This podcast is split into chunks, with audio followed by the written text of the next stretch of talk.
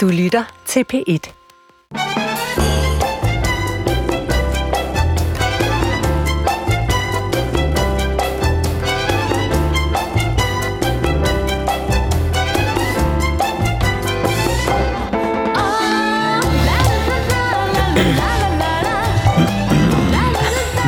Tag op. det, det var ikke et... Det var altså ikke ment som brunstigt, som det lød. Det gjorde det. Ja, vi rømmer os bare. Goddag, kære lyttere. Øhm, grunden til, at vi rømmer os, er, at vi er en samling krøkhusser. ligesom ved at tro to tredjedel af landet, øh, er vi ramt af det ene og det andet. Men øh, prøver standhaftigt at holde os i sadlerne, og øh, trods måske øh, lidt snottede næser og, øh, og, og grødet male, så skal vi ud. Posten skal skisme ud. Så øh, her er vi så sender fra 4. division, øh, sender i 4. divisions regi de næste Fra to timer. station. Fra 4. station. Kunst, kultur, historie og så meget mere er på programmet. Eller rettere sagt, i dag er vi faktisk øh, øh, koncentreret om film og musik. Langt Med i studiet skal jeg skynde mig at sige, det er jo mm. det, der er kutume at introducere sine medværter. Nynne Bjerg Christensen. Ja, tak. Ja, tak. Og Gitte Løkgaard. Ja, tak. Jeg ved, hvad der er galt med jer to, og alligevel jeg er dybt imponeret over, at I sidder. Der, der, der er ikke noget galt med os, og det er det, der er med kvinder, der går på arbejde alligevel, uanset hvad. Gitte har lidt hold i ryggen, kan vi vist godt sige. Øh, det må man sige. Gitte er blevet kørt herind. Af, af, af en ambulancetjeneste. Ja. Hun blev kørt ind af Falk. Ja. Af ældre sagen. Portøren Paul og Gitte, det var et ømt syn, og så er der nøske. Nå, og, jeg er jeg ikke og jeg hedder Adam Holm, og vi er i gang. Skal vi ikke bare, udover lige at uh, sende en personlig hilsen uh, til en fødselar, jeg kender i Norge, så skal vi... Kan man også ønske et nummer? Man kan næsten ønske et nummer, hvis man når at ringe. Vi skal Så vil jeg godt ønske Hentels Messias. Ah, Ah, okay. There Ja, you det are. Jamen, så fortæl, Nynne. Nej, det er jo faktisk Gitte, der Nej, skal nej, fortælle om det, det. det er nemlig Gitte. Okay, Ja. Skal ikke, jeg ikke mere pjat. Vi har Nej. hver en historie til første og anden time. Yes. Lad os lige få dem på... Og jeg starter, fordi menuen. I er pjattet. Ja. Øh, I første time, der skal vi nemlig tale om Hentels Messias. Øh, fordi den bliver jo øh, opført øh, rundt omkring og alle vegne. Og jeg tænkte, at nu var det på tide, at vi fik historien om den. Ej, hvor er det godt til. Øh, så det skal vi have i første time. Og så i anden time, der skal vi også have musik. For der skal vi snakke om øh, musicalen som genre. Fordi jeg har lagt mærke til, at øh, København er plastret til øh, med reklamer for musicals. Og jeg vil gerne høre, om øh, det er en ny øh, revival, eller om jeg bare ikke har opdaget, at det stedet støtter roligt siden 90'erne. Okay. Mm? Det er din historie, og øhm, altså, det er bare en understregning af, hvad jeg fik sagt før. Vi er i musikkens verden. Nynne, du bringer os også til filmens Ja, verden. men det er rigtigt. Gitte har musik med musik på, og jeg har film med film på. Fordi i første omgang skal vi kigge på Netflix, som har besluttet sig for at offentliggøre deres seertal, og det er faktisk en ret stor ting, fordi Gud, Netflix bare er kæmpestor, og jeg kan røbe, at den film, der er blevet set mest, eller den serie, der er blevet set mest, set mest er blevet set i 812 millioner timer. Så stor er Netflix. Og hvorfor det er en historie, det vender vi tilbage til lidt mm-hmm. senere. Og øh, i time 2, der skal vi snakke om Love Actually, som jo er en af de klassiske julefilm, og vi skal se lidt på, hvordan øhm, tidens tand er glædet hen over den sådan i et kunstperspektiv. Okay. Vi kommer forbi det, og ikke fordi det skal handle om mig, jeg har aldrig set den. Jeg øh, måtte slå den op. Det er den med Hugh Grant. Rigtigt. Okay. Allerede der lyder den forfærdelig. Øhm, kan jeg tælle mig at sige det? Det kan du da sagtens. sige hvad som men, helst. men altså, Det er jeg, tænker, fordomsfuldt, for jeg, jeg har altid, ikke. Adam, tænkt, at jeg var, jeg var det menneske, der vidste mindst om popkultur i Danmark, men du, du, du overgår mig gang på gang. Jeg tror faktisk, en Du af lever vores... simpelthen i et hul. Mm, ja, ah, nu du siger det. Øh, Nulle Ja, er lige død. bortgået i en Ja, alder af det er rigtigt. 86. Ære være hans minde. Vores gode kollega Poul Har du Næsgaard nogensinde været inde og se en musical? Øh, nej, det kan Nej, jeg det faktisk vidste jeg godt. ikke øh, sige. Nå, la, la, la, det kommer vi tilbage til. Mm, det passer meget godt. Jeg har også historie. Jeg øh, adskiller mig en lille smule i og med, at, vi, øh, at jeg har valgt øh, som min første historie til første time, at vi skal tale med Radio 4's nye chef, vores tidligere chef, Nikolaj Thyssen. Det er altså en mediehistorie. Vi skal spørge ham, øh, hvad det er for en retning, han kan sætte for en kanal, som øh, var stort tænkt, men lige nu ikke rigtig, øh, ikke lige nu, de sidste par år ikke rigtig er slået igennem. Så det er radio med radio på. Det er radio med radio på. Øh, til anden time, der er der så øh, musik med film på. kan man sige det? I anledning af, af den nye Leonard Bernstein-film, som hedder Maestro, som jeg så jo ikke har set.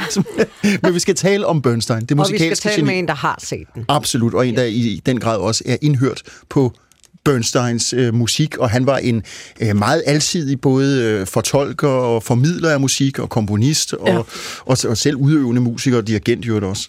Og efter jeg har læst om Leonard Bernstein, Stein, Steen, øh, hvad kalder vi ham? Vi kalder ham Bernstein, ja. Bernstein, ja. Så tænker jeg, at han var en mand, man burde have kendt. Ja, det er der også. For han Øh, lyder godt nok spændstig. jeg tror simpelthen, han var altid hele raden rundt. Der var også mange mænd, der kendte ham, Ja, præcis. og mange kvinder, der kendte ham. Han Nå, har, prøv at, øh, vores, vores har- redaktør har Linnea det- vinker, stop ja, nu. Jeg, jeg siger bare lige, at han har det som årets ord øh, sigter til. Og så siger jeg ikke mere, for årets ord kommer vi til at snakke om i begyndelsen af time 2. Årets ord blandt hvem? Unge. Ah, hvornår skal de nogensinde have lov til at definere, hvad der er årets ord? Fordi det er dem, der bruger den. Årets- Kom så, Nå, okay. videre. Ja. Jeg har lige fået en sms fra en lytter. Michael Christensen i Holbæk, der skriver, I pjatter for meget, kom til sagen. Så det er faktisk meget, op. står der lige her sort på hvidt. Men det er altså julefrokostfredag i det, ja, jeg siger det bare. Og vi skal så ikke til den. Nu går vi i hvert fald til sagen, fordi vi indleder med ugens historie, som øh, jo altså vanen tro er øh, os tre, der sidder her, som ikke har en gæst. Og det vi er faldet over er en artikel i Information, en kommentar kan man vel kalde det, skrevet af Bodil Skovgaard, som i øvrigt kommer har ind senere, men i en anden anledning, så det, der er virkelig temafest i dag, øh, hvor vi genbruger både temaer og, og, og gæster. øh, Bodil Skovgaard har skrevet en kommentar med overskriften Kan et krigsbillede fortælle os noget som helst sandt om krig? Og så tager hun afsæt i nogle af de mange krigsbilleder, vi ser øh, for hendes vedkommende, et hun har set øh, fra Gaza, og hun stiller øh, spørgsmålet om, øh, øh, altså, hvad det egentlig gør ved os at se på de her krigsbilleder, om det gør krigen nærværende, og om vi begriber den lidelse, der bliver portrætteret, eller om det på en måde bliver en næsten plastisk oplevelse, eller noget, som man lige så godt kunne jagtage på et museum. Jeg tror ikke, det er det, hun bruger, men men det er det, jeg læser som, som afsættet. Med andre ord bliver vi egentlig gjort nærværende, og får vi øh, en, øh, en hvad skal vi sige, stofliggørelse af krigen, eller bliver vi fremmedgjort i kraft af de her billeder? Bliver det bare endnu en eller anden pixelering af noget, og så går vi videre og, og skal skynde os i hverdagen? Nynne, for så vidt du har læst synes- artiklen på samme måde. Ja, jeg synes godt nok, det er svært, fordi ja, jeg, jeg, øh, jeg har jo også børn, ligesom så mange andre, og jeg synes simpelthen, det er svært at tage det ind. Altså, jeg, jeg, jeg skubber det fra mig, fordi hvis jeg skulle tage det ind, så ville det, så ville det være for tungt at bære rundt med. Øhm, og den anden ting er, at jeg også synes, der sker sådan en æstetisering af, mm. af døden. Og det øh, går på en eller anden måde hånd i hånd med, at øh, da danske fotografer begyndte at blive rigtig gode sådan i 90'erne og 0'erne, der, øh, der var det meget tit sådan død, begravelser, øh, lig øh, i en eller anden forstand, som blev præmieret. Så den der æstetisering af døden, synes jeg også, der har været en øh, sådan, det har været sådan en æstetisk omdrejningspunkt i fotografkredse. Så på en eller anden måde har man også sværmet for det der med øh, med døde mennesker og prøve at få et, et, et æstetisk, altså en eller anden form for kunst Må ind i spørge dig, situationen. men, Ja, nu siger du kunst Ja, og hvis du for eksempel kigger men- på World Press Photo, Ja. og hvem har vundet dem, jamen der tror jeg, du vil finde øh, altså, øh, lig eller begravelse, øh, øh, død og ødelæggelse i rigtig, rigtig mange af de der billeder. Så jeg tror også, fotografer har en tendens til at søge de situationer og prøve at finde en æstetisk mulighed i de der tragiske situationer, fordi de også oplever, at det er det, der bliver belønnet. Altså æstetikken som en modsætning til bare det, hvad skal vi sige, øjeblikkelige pressefotografi, hvor Ja. der måske ikke er tænkt så meget over komposition. Er det altså, det, du mener? det, det konkrete billede i information er en kvinde, der sidder... Altså, der, du kan ikke se hendes ansigt, fordi hun har burka på, tror jeg faktisk. Øh, og hun sidder øh, i en blå burka, bøjet hen over et barn, forholdsvis stort barn, vil jeg sige, 7-8 år måske, som er pakket helt ind i en hvid lige pose. Der er ikke noget blod, der er ikke noget noget, men det er... Det, det er jeg tror også, det, det fremgår af artiklen, at det nærmest er, du ved, som Jesus, der bliver, lige er blevet taget ned fra, fra korset. Det er en meget æstetisk udgave. Og det er et fotografi, der har været bragt både i information, ja. Hvor Bodil Skovgaard selv skriver, og i Dagbladet Politikken og øvrigt internationalt. Så det er, man kan næsten sige, et ikonisk billede af... Ja, men jeg synes, jeg synes egentlig også, at pressen skal diskutere, at det der, det der er jo ikke retvisende for krigen. Okay, Gitte, hvordan ser du på øh, den, den her øh, problemstilling, som Bodil Skovgaard rejser, og som jo egentlig er klassisk velkendt? Bliver vi, øh, bliver vi draget, øh, måske ikke fascineret, men forstår vi hvad der egentlig er alvoren i en krig ved at kigge på fotografierne, eller, eller bliver det, som nævnt før, bare øh, endnu et billede i rækken af mange, der forstyrrer os i løbet af en dag? Altså, jeg kan jo kun tage udgangspunkt i mig selv. Jeg synes øh, faktisk, at det er et af mine største dilemmaer, hvordan jeg forholder mig til det, fordi det er frygteligt at tage det ind, men det er næsten endnu mere frygteligt at opleve, at man ikke tager det ind, øh, fordi det øh, skaber en afstand og en øh, underlig numbness, hvad hedder det, ja. øh, følelsesløshed. følelsesløshed ja. Og så synes jeg faktisk, det værste i det, det er det, det medfører, nemlig handlingslammelsen. Mm. Altså, fordi man ser de billeder, og, og det er frygteligt, og øh, hvad skal man stille op med? Ja, man er magtesløs. Ja. Og jeg oplevede, at min ældste søn ringede og spurgte, om jeg ville med til en demonstration, som øh, ja, om øh, øh, gasestriben. Øh, og så snakkede vi også om det der, men det hjælper ikke noget sikkert, men det hjælper på vores handlingslammelse mm. på en eller anden måde, at man ligesom går ud på gaden og er sammen med andre mennesker, der oplever det samme. Men det sidste, jeg lige vil sige, det er, at det, jeg har gjort helt Øh, og det er ikke øh, gloværdigt, men der, der, øh, jeg er meget glad for håndbold, og da den øh, øh, VM-turnering startede, så tog jeg simpelthen en bevidst beslutning om, at nu holder jeg en pause. Altså en nyhedspause? Ja, fra altså en, eller en øh, krigspause, mm. for ligesom at at øh, lokke ud, for så om at gå ind igen, og så ligesom kunne være til stede i det. Fordi jeg tror simpelthen, det der overload, det gør os øh, øh, lidt fremmedgjorte og lidt ligegyldige overfor Men nu siger du magtesløs og handlingslammelse, altså giver det giver det jer en form for skyldfølelse over den, ja. øh, hvad skal vi sige, fred og velstand, som vi kan jagte lige så snart vi åbner øh, hoveddøren derhjemme, og vi tænker, okay, det er jo ikke os, der lever med for eksempel at skulle have en ligepose af ens øh, 7-8-årige øh, liggende for ens fod, eller øh, kigge på et hus, der var indtil for få dage siden, og nu er en ruinhob. Så er det, er det skyldfølelse? Det, det, det er en form for skyldfølelse, men mere ikke over, at vi har det godt, men over, at, at vi som menneskehed hvis man kan sige det sådan, lader det ske. Altså, jeg tænker som ja, en, der... jeg, jeg føler mig altså ikke skyldig personligt, jo, men, men, men man kan alligevel godt have en lille smule dårlig samvittighed over, at det er så svært at gøre noget ved det, som, som bor i et velfungerende samfund. Det, men det er jo et faktum. Hvad oplever du? Jamen, altså nu er jeg, og jeg siger det i anførselstegn, så heldig, så jeg har været øh, ude i krigs- og konfliktområder flere gange, og øh, jo altså oplevet noget af det her øh, helt tæt på med egne øjne.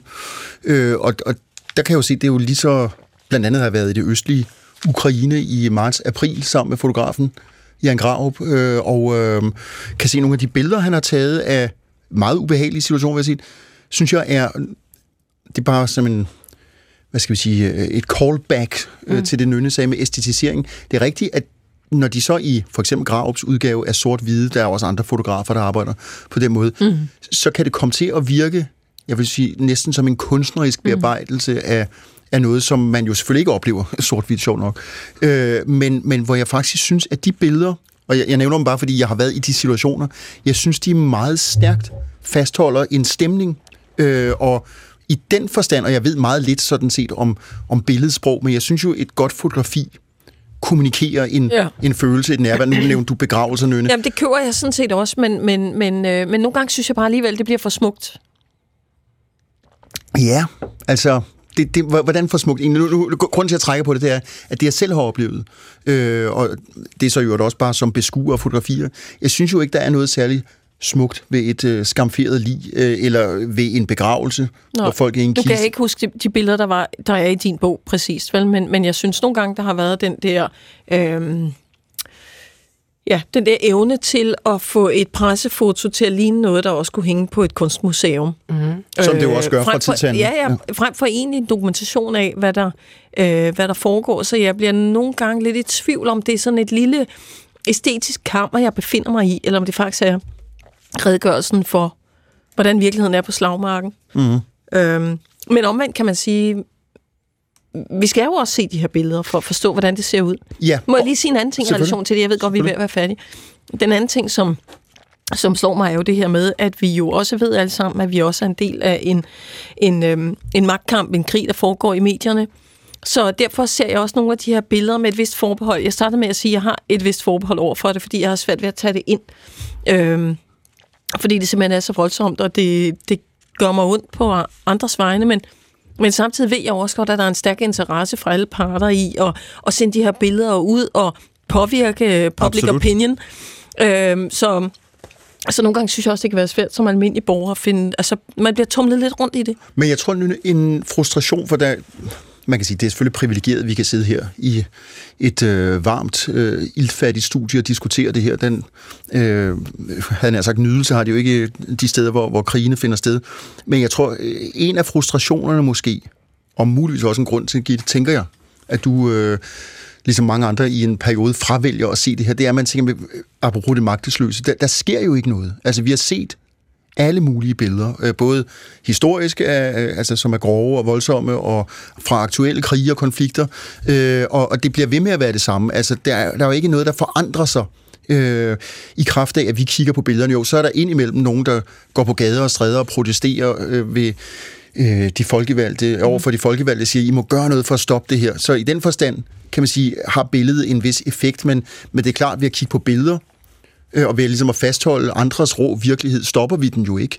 Omvendt vil jeg jo så sige, at ved at fornægte de billeder, eller ignorere dem, eller lukke øjnene for dem, så... Det så dur jo heller ikke. Nej, det dur heller ikke, fordi altså, man kan sige... Øh, ja, hvad vil jeg egentlig sige? Øh, for, for det er dødsvært at finde et Jamen, ben at det stå er på. et kæmpe dilemma. kæmpe dilemma. Og jeg tror, vi, nu sidder vi jo bare tre her, og jeg er sikker på, at øh, alle øh, lyttere oplever nøjagtigt det samme, og der er ikke noget facit på det. Altså, vi må hver især manøvrere øh, på den måde, vi både kan holde til og, øh, og være i, simpelthen.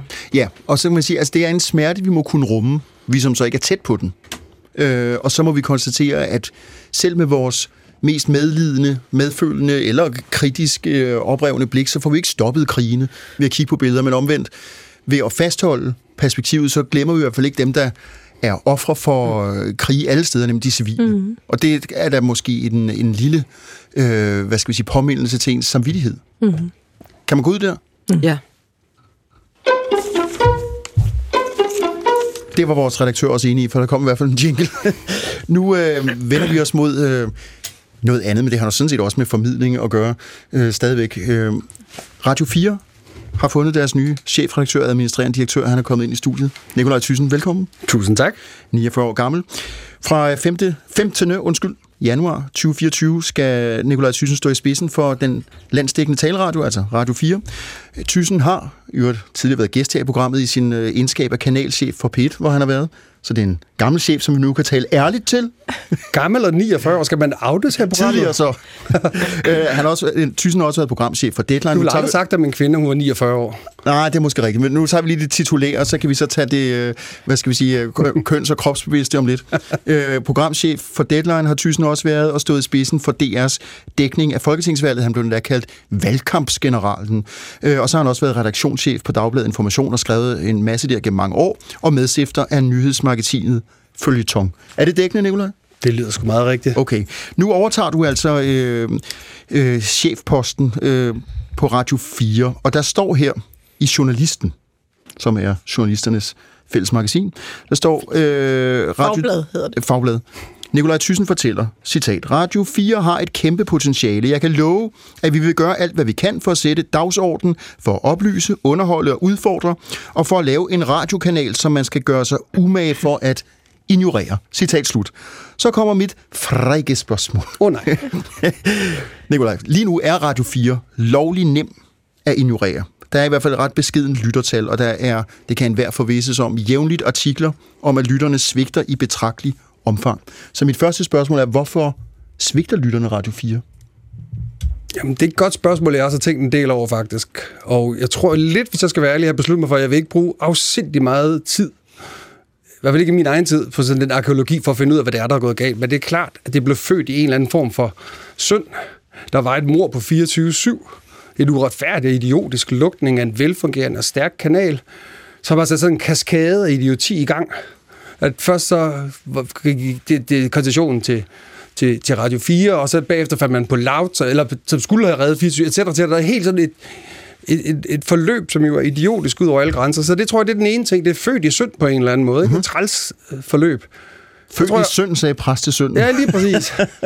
Jamen, jeg vil lade komme tilbage til min præstesøns ting bagefter. Men, men hvad hedder det? Så det er den ene ting, tror jeg. Jeg tror, den anden ting er, så tog man nogle strategiske forkerte valg, da man etablerede Radio 4. Jeg tror, hvis man nu lige er i radioland, så tror jeg, man forestiller sig, at det skulle ligge i et eller andet rum mellem P1, sådan taleradio og 4-7 herover, og så noget P4, hvor man skulle være lidt mere bredere, regional, folksy og spille lidt musik. Og det er bare sådan en meget simpel radioteknisk betragtning. Der er ingen lytter i det rum mellem P1 og P4. Mm-hmm. Altså, uanset hvor meget de padler løs derinde, så vil de ikke komme fremad. Og det siger jeg også lige respekt for de medarbejdere, der har arbejdet der. Fordi de havde ingen jordisk chance for at lykkes i det rum. Ret, ved det, P4 er en fantastisk kanal. Virkelig god til at spille musik og give en fornemmelse af hele Danmark. Og skulle gøre det samtidig med, at man skal sidde og lege jer, det kan simpelthen ikke lade sig gøre. Så man bliver hverken klog eller folksy, man lander, man bliver ikke god til musik. Man lander sådan et mærkeligt sted midt imellem. Og det er derfor, vi er endt med, at der er 40 procent af danskerne, der kender Radio 4, hvis de bliver spurgt direkte. Øh, og der er cirka 240.000 lyttere, tror jeg, som er bunden af, hvad vi har ramt. Så hvis der, altså, det er en opgave, hvor man starter på bunden af havet og kigger op, og det tænker jeg, det, det føles som fast grund under fødderne. Ja, altså folksy, det, det synes jeg er et vidunderligt udtryk. Det, det, det rummer mås- måske i sig selv en del af forklaringen på, øh, at, at det ikke er lykkedes. Der er ikke så mange, der lytter til folk, hvis det er, hvis det er den vej, vi skal over. Men, men, øhm, men Nikolaj, hvad skal, hvad skal I så lave fremadrettet? Altså, øh, fordi vi går jo også i... Altså, selvom I har FM-båndet i tre et halvt år, mm. fire, øh, fire år endnu, øh, og, og man får mange øh, lyttere foræret øh, den vej rundt, øh, så går vi jo i retning af en stærkere sådan podcast-drevet mm. lytning. Øh, og det betyder vel også, at der skal være nogle programmer, som har noget, en stærkere identitet og kan samle sådan, øhm, ja, en, en, en skare omkring sig. Øh, hvad, for nogle, hvad for nogle tanker gør du der øh, for at få skabt nogle programmer, der har sådan en stærkere profil? Altså helt umiddelbart tænker jeg, at du kan komme og hjælpe mig med at lave strategien. Uh, det lyder meget spot on, det der. Ja. Uh, jeg har meget bevidst sagt, altså vi, vi har talt meget om, bare lige for at sige, hvad det, man kan lykkes med på Radio 4 i det næste år. Ikke? Og mm. det har jeg også tænkt meget over, siden jeg blev spurgt for en tre måneder, om det var noget, jeg ville overveje det her. Uh, og jeg tror, jeg har sagt tre ting, man kan lykkes med. Og de, de er lidt løse i kanten, og ikke super præcise, men jeg tror, det er det. Jeg synes, man skal love ting, man har en, i hvert fald en forestilling om, at man kan, mm. kan lande og lykkes med. Og det første, jeg har sagt, det er, at vi kommer til at gøre et markant indtryk på den danske offentlighed. Og det, men det mener jeg egentlig bare, at vi kommer til at lave journalistik, som gør en forskel. Vi kommer til at lave nogle formater, introducere nogle værter, nogle stemmer, nogle personligheder, som man vil savne, hvis de ikke er der. Som mere kant. Ja, hvis vi lige kan definere kant bagefter. Men det er den ene ting, ikke? Og så den anden ting, jeg tror, vi kan gøre, øh, det har jeg sagt, at vi skal lave fem podcasts, som ligger i top 20. Det er svært nok i sig selv, vil jeg øvrigt sige. Øh, men det tror jeg godt, vi kan lykkes med, og det skal vi kunne. Og det vil sige, det er lidt som du siger, Nynne, altså kunne arbejde ind i nogle skarpere formater, nogle tydelighed, som er, jeg tror alle kender den oplevelse af at sidde og scrolle gennem Netflix en fredag aften og ikke at kunne finde noget, og det tror jeg, det er en bunden opgave, når man laver indhold i dag, og gør sig byde sig til. Mm. Og især når man har så privilegeret opgave, som I har her i Danmarks Radio, som vi har i Radio 4, altså det, der er defineret af radiolovens paragraf 10. Øh, det er en vild, vidunderlig opgave at skulle sikre, at flest mulige danskere øh, føler, sig, føler sig myndige og, og ved det, i, i stand til at agere i et folkestyre. Det er opdraget. Så skal man eddermame gøre sig ud med, med at komme ud over rampen. Mm. Og den tredje ting, så skal jeg nok gøre mig færdig. Så har jeg lovet lidt ydmygt og sagt, der kommer flere lytter på FM. Og mere kan jeg ikke sige, for jeg tror præcis, som du siger, Nynne. Hvis man i dag kabrer en pitlytter, for nu at være helt ærlig, mm. eller hvis jeg selv har lidt op med til P1, så ved jeg simpelthen ikke, om jeg vil skifte til en anden FM-kanal, mm. eller om jeg vil begynde at vælge podcast til. Så jeg, på den ene side synes jeg, jeg vil bare lige sige, at det er et kæmpe privilegie at have en FM-kanal. Ligesom det her live-radio er det sjoveste i verden. Jeg håber og tænker, det er derfor, I sidder her selv. Mm. Men prøv, Nicolaj, vi har faktisk en, øh, en lille julegave til dig. Du får nemlig 15 af vores lyttere med. vi har arrangeret. Men kun på prøve. De starter 16. januar. Øh, med, Underligt. så den, men den kan du få noget ud. Jeg, jeg vil gerne høre dig. Jeg, jeg, jeg øh, nikker virkelig genkendende til din beskrivelse af det der rum imellem Peter og P4. Men forstår jeg dig så rigtigt, at I vil hælde mere mod P1? Og hvis det er rigtigt, hvordan skal øh, øh, Radio 4 så alligevel adskille sig fra P1? Ja, men det, det jeg tror... Men, ja, altså til at lige svare på det spørgsmål først. Ja, vi skal tilbage og være en rigtig, rigtig og heldyrket taleradio. Mm-hmm. Det er rum, hvor PET ligger, hvor det er lyd til dels agerer, hvor 24-7 og hvor radio satirekanalen jo ligger med satire og den morskab, der ligger i det, og de arbejder sig ind i. Så det er det rum, vi skal ind og finde vores egen stemme i, og en klar tydelighed i. Jeg kommer ikke med sådan en mirakelkur. Du, du sukker det Jamen, jeg kom, det er fordi, det er svært at svare på det. Jeg kommer jo ikke med sådan en mirakelkur, hvor jeg kan sidde og sige præcis, hvad der skal gøres. Jeg tror, det er de har ansat på Radio 4 med mig. Det er en eller anden grad af anarkisme. At man kan få en personlighed, og man kan få noget tonalitet, og kan få noget vilje ind i det her projekt. Øhm, det er vi altid vinde på at være størst. Korrespondenter i alle hjørner af verden, en vagtplan fra helvede. Altså, når man, du ved, man kan høre et system, der taler. Jeg tror, det vi kan gøre, vi kan sætte nogle personligheder i spil. Vi kan, man kan mærke, at der er nogle mennesker, der sætter live radio, som tager fejl, som undskylder og retter sig selv, og mikrofonen kommer til at skrætte. Jeg tror, man kan ma- lave en radio, man kan mærke. Ah, men, men der, nu, øh, jeg sad nemlig og tænkte over, øh, også i går, øh, altså, der står i opslaget, først stod der, at man vil have en, der var woke. og, og, og det blev vist rettet, så vidt jeg har orienteret mig til, øh, i opslaget, der står en, der ikke er, altså en direktør, der ikke er så forudsigelig. Og bortset fra, at jeg jo må have lov at sige, at jeg synes, det er temmelig forudsigeligt, nærmest en kliché i et jobopslag at efterlyse en, der ikke er forudsigelig. Øh, så tænker jeg, hvordan forstår du så, nu har du lige kaldt dig anarkist, og det øh, tror jeg er meget dækkende for, øh, sådan som mange har oplevet der her i huset, inden der, hvad skal vi sige, øh, vælter nogle, øh, den, rykker lidt ved det bestående samfunds øh, søjler, og det øh, skal du så også overgøre det. Men hvordan, det er det der er mit spørgsmål, hvordan kan du være uforudsigelig? Åh, oh, jeg sådan håber, du vil spørge, om jeg kunne være woke. Ja, jamen, så, du får det spørgsmål så også. Okay, må jeg svare på det så? Men det er bare, fordi det blev taget ud af jobopslaget. Ja. Jamen, grunden til, at jeg lige har lyst til at holde fast i det der Vogue, det var fordi, der kom jo sådan en helt shitstorm mod Radio 4, fordi Ja. de var kommet til at bruge Vogue. Og jeg siger, jeg, for mig så siger det alt det mest tavlige og redselsfulde, og næsten klaustrofobiske ved den offentlighed, vi agerer i. At der sidder en eller anden HR-medarbejder et sted i Jylland, og så hæfter man sig ved, at man kommer til at bruge ordet Vogue bare lige my forkert. Og så falder fucking himlen ned i raseri og mobning. Og prøv, jeg voksede op i Jylland i 80'erne, jeg ved godt, hvordan mobning ser ud. Og jeg synes simpelthen, det var tavligt, og det er sådan et rum, man ikke kan være. Der sidder en stakkels Jamen, HR-medarbejder. hvad fanden vil de med det, Nicolaj? Jamen, det ved du da godt. Det er da ikke Nej, så jeg ved det da ikke. Hvad vil de betyder med det? Jeg Prøv ved ikke, hvad det betyder. De vil gerne have en, der gør en Moderne. forskel, og kommer med noget vilje og noget umiddelbarhed. Prøv, det var bare... Men det at være moderne er sgu da noget helt andet, end at være Ja, men woke. så- hvad så? Så lyt Så dog de efter, fundet hvad en de 49-årig siger. hvid mand. altså, som ganske vist er meget moderne. Du har altid været mega Prøv, vi, vi er ved moderne. at genopføre radiotatet fra 1977. Nej, jeg tænker bare, hvad, hvad, hvad har man tænkt? Og hvorfor har man så taget det ud igen? Man tog det ud igen, tror jeg, fordi man blev mobbet. Fordi det var i stedet for... Jamen, har man ikke ment det? Jo, jeg tror, man har ment det, men så prøv nu... Så skal radioen være woke? Men prøv nu at lytte efter. Hvad, okay, lad mig lige vende spørgsmål. Hvad betyder det, at radioen skal være woke? Det aner jeg ikke. Det, Nå, er, det, men, det er mig, men, spørger. hvorfor, hvorfor, altså, så spørg dig om det i stedet for. Og det er det, jeg mener. Det, der sker, det er, det er sådan en gang jydebashing, det der. Der er en eller anden stakkels medarbejder, der skal komme til at bruge et ord forkert, og så falder hammeren ned sådan der. Det Og- er et jobopslag til den øverste chef for virksomheden. Det er da ikke urimeligt, at vi selvfølgelig analyserer det. Jamen, så spørger du til, hvad det betyder. Hvad betyder det? Okay, jeg, det vil jeg gerne svare på. Jeg kan sige, hvad det betyder for mig. Jeg, jeg, det er dig, der stiller spørgsmål, og jeg må jo bare gætte og kigge bittert efter de der romsnegle, som kun du får. Hvad hedder det? Du, du må få en med ud. Hvad hedder det? Øh, ja, Man Okay. kan også spørge, hvis du... Man må ikke, man må ikke lige svare på, hvad for vug for mig, fordi jeg er ikke vug. Det vil jeg gerne lige understrege. Nej. Fordi jeg er for gammel. Som, som Lønne siger, jeg er 49 år. Jeg er en hvid mand på 49 år. Verden er formet rundt om min krop. Altså, helt ærligt. Jeg har den størst tænkte respekt, vil jeg bare sige, for alle de mennesker, som kæmper og slås i de her år for at få verden til at passe os en lille smule til dem. Slås med de skabeloner og de former, som er ligesom har defineret vores... Nu får jeg kage. Som Kommer har der en formet det liv, vi, vi, vi har levet op igennem. Og det er jo ikke min kamp. Helt ærligt, verden er simpelthen formet rundt om mig. Så jeg kigger på det der, og den forandring, der sker i vores samfund i de her år, og siger, det er det mest spændende, vedkommende, interessante. Og ser det nogle gange åndssvært ud? Ja. Er det nemt at grine af nogle gange? Ja. Men sådan er det jo at gå i krig. Sådan er det at gå ind i et fuldstændig proppet rum, hvor andre har sat stole på plads, og prøve at finde en lille smule plads, hvor man selv kan bevæge armene. Men Nicolaj- jeg synes... Nå, okay. Nå, Nej, kom jeg ind, kom ind igen. Øh, jeg synes faktisk... Øh, øh, nu kan man grine af det ord, øh, men jeg synes egentlig, det er endnu mere fjollet, øh, hvis jeg skal være helt ærlig, at du står og bruger ordet, at det skal være på kant. Fordi det er virkelig også en ordentlig mærvelgrav. altså, hvad vil det sige, at vi laver programmer på kant? Sagde jeg virkelig det? Ja, du sagde et eller andet, Åh, ja. de skal have kant. Nej, det var, han, det var faktisk en ynde, der Ja, sagde det det. var faktisk Nå. mig, så den kan vi tage i efterkritikken. Så er mig, Gitte. Sorry. Ja. Nej, men du, du er abonneret på det. Jamen, jeg abonnerer på det sted, hvor man prøver at lave nogle rammer. Og det er det, jeg tror jeg, jeg kan, og det jeg kan bidrage med. Jeg kan lave nogle rammer på en kanal. Men Nicolaj, Nå, når, jeg når du taler, jo, jo, øh, undskyld, men det er, når du taler rammer, og jeg øh, prøvede jo i min opremsning af de, øh, det titulære sige, du har jo været her i huset, og du har været vores chef, som nævnt, øh, du har cheferfaring fra DR.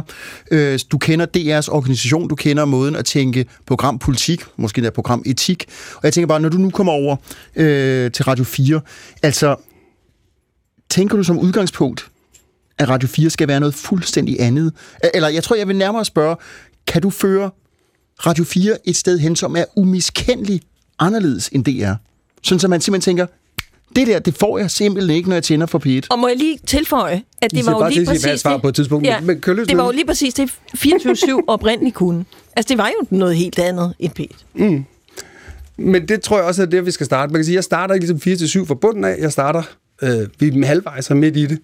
Men øh, jeg vil sige, der var i DR, der sagde jeg altid, og det tror jeg, jeg har sagt højt til rigtig mange mennesker, at jeg havde med det her hus, som om man skulle komme kørende med 180 km i timen og ind ad rulletrappen, for bare at have 40 km i timen, når man kom ud på den anden side, fordi der var så meget friktion og modstand. Og sådan er det, hvad det er. Det er Danmarks største kulturinstitution. En pissevigtig kulturinstitution, som man skal passe på, og hvor der er alle mulige konservative kræfter, der skal sikre, at det forvaltes ordentligt. Mm.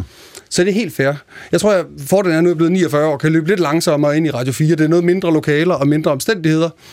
Og så tror jeg totalt godt, at vi kan finde en retning, der, der vil føles om et par år, føles markant og identificerbar og tydelig, og man ved, hvad man får. Det er nærmest den vigtigste opgave, jeg har. Og så vil jeg godt stille det allervigtigste spørgsmål, nemlig om Værsgo. du skal bo i Aarhus. Fordi du får, altså selvom du er jøde, så er du jo også på mange måder ærke københavner, og jeg har bare utrolig svært ved at se dig i Aarhus. Og øh, når jeg spørger, så er det jo fordi, det er interessant, fordi det var lige præcis sådan, Radio 4 blev født. Det skulle ligge i Aarhus. Okay, må jeg godt svare på det? Fordi Jeg har tre svar på det der. For det første, Relativt kort. jeg skynder mig alt, hvad jeg kan, men giv mig lige to minutter. Det ene er, det er en falsk modsætning, det der. Prøv, mine forældre er født i København, flyttede til Jylland som, som unge akademikere, tog arbejde, flyttede til der på Djursland. Min mor er ude i Bjerringbro.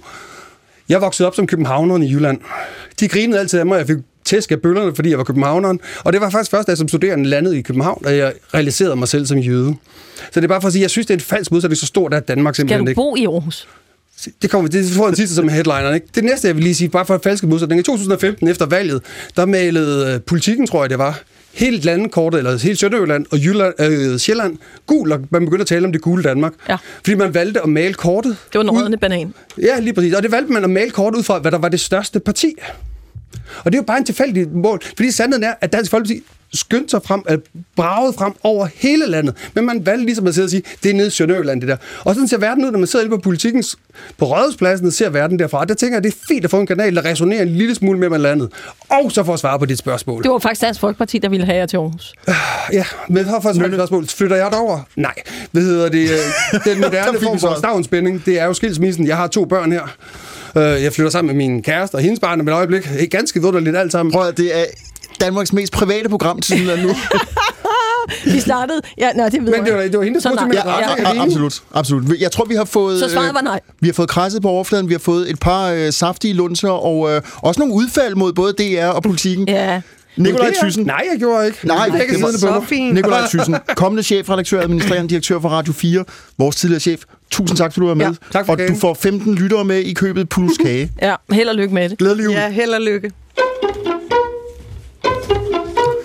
Ja, så er vi øh, lidt over halvvejs gennem første time af 4. division i studiet. Nøgne Bjerg Christensen, Gitte Lykkegaard Yes. og jeg selv, Adam Holm. Og nu er det Gitte, der har historien.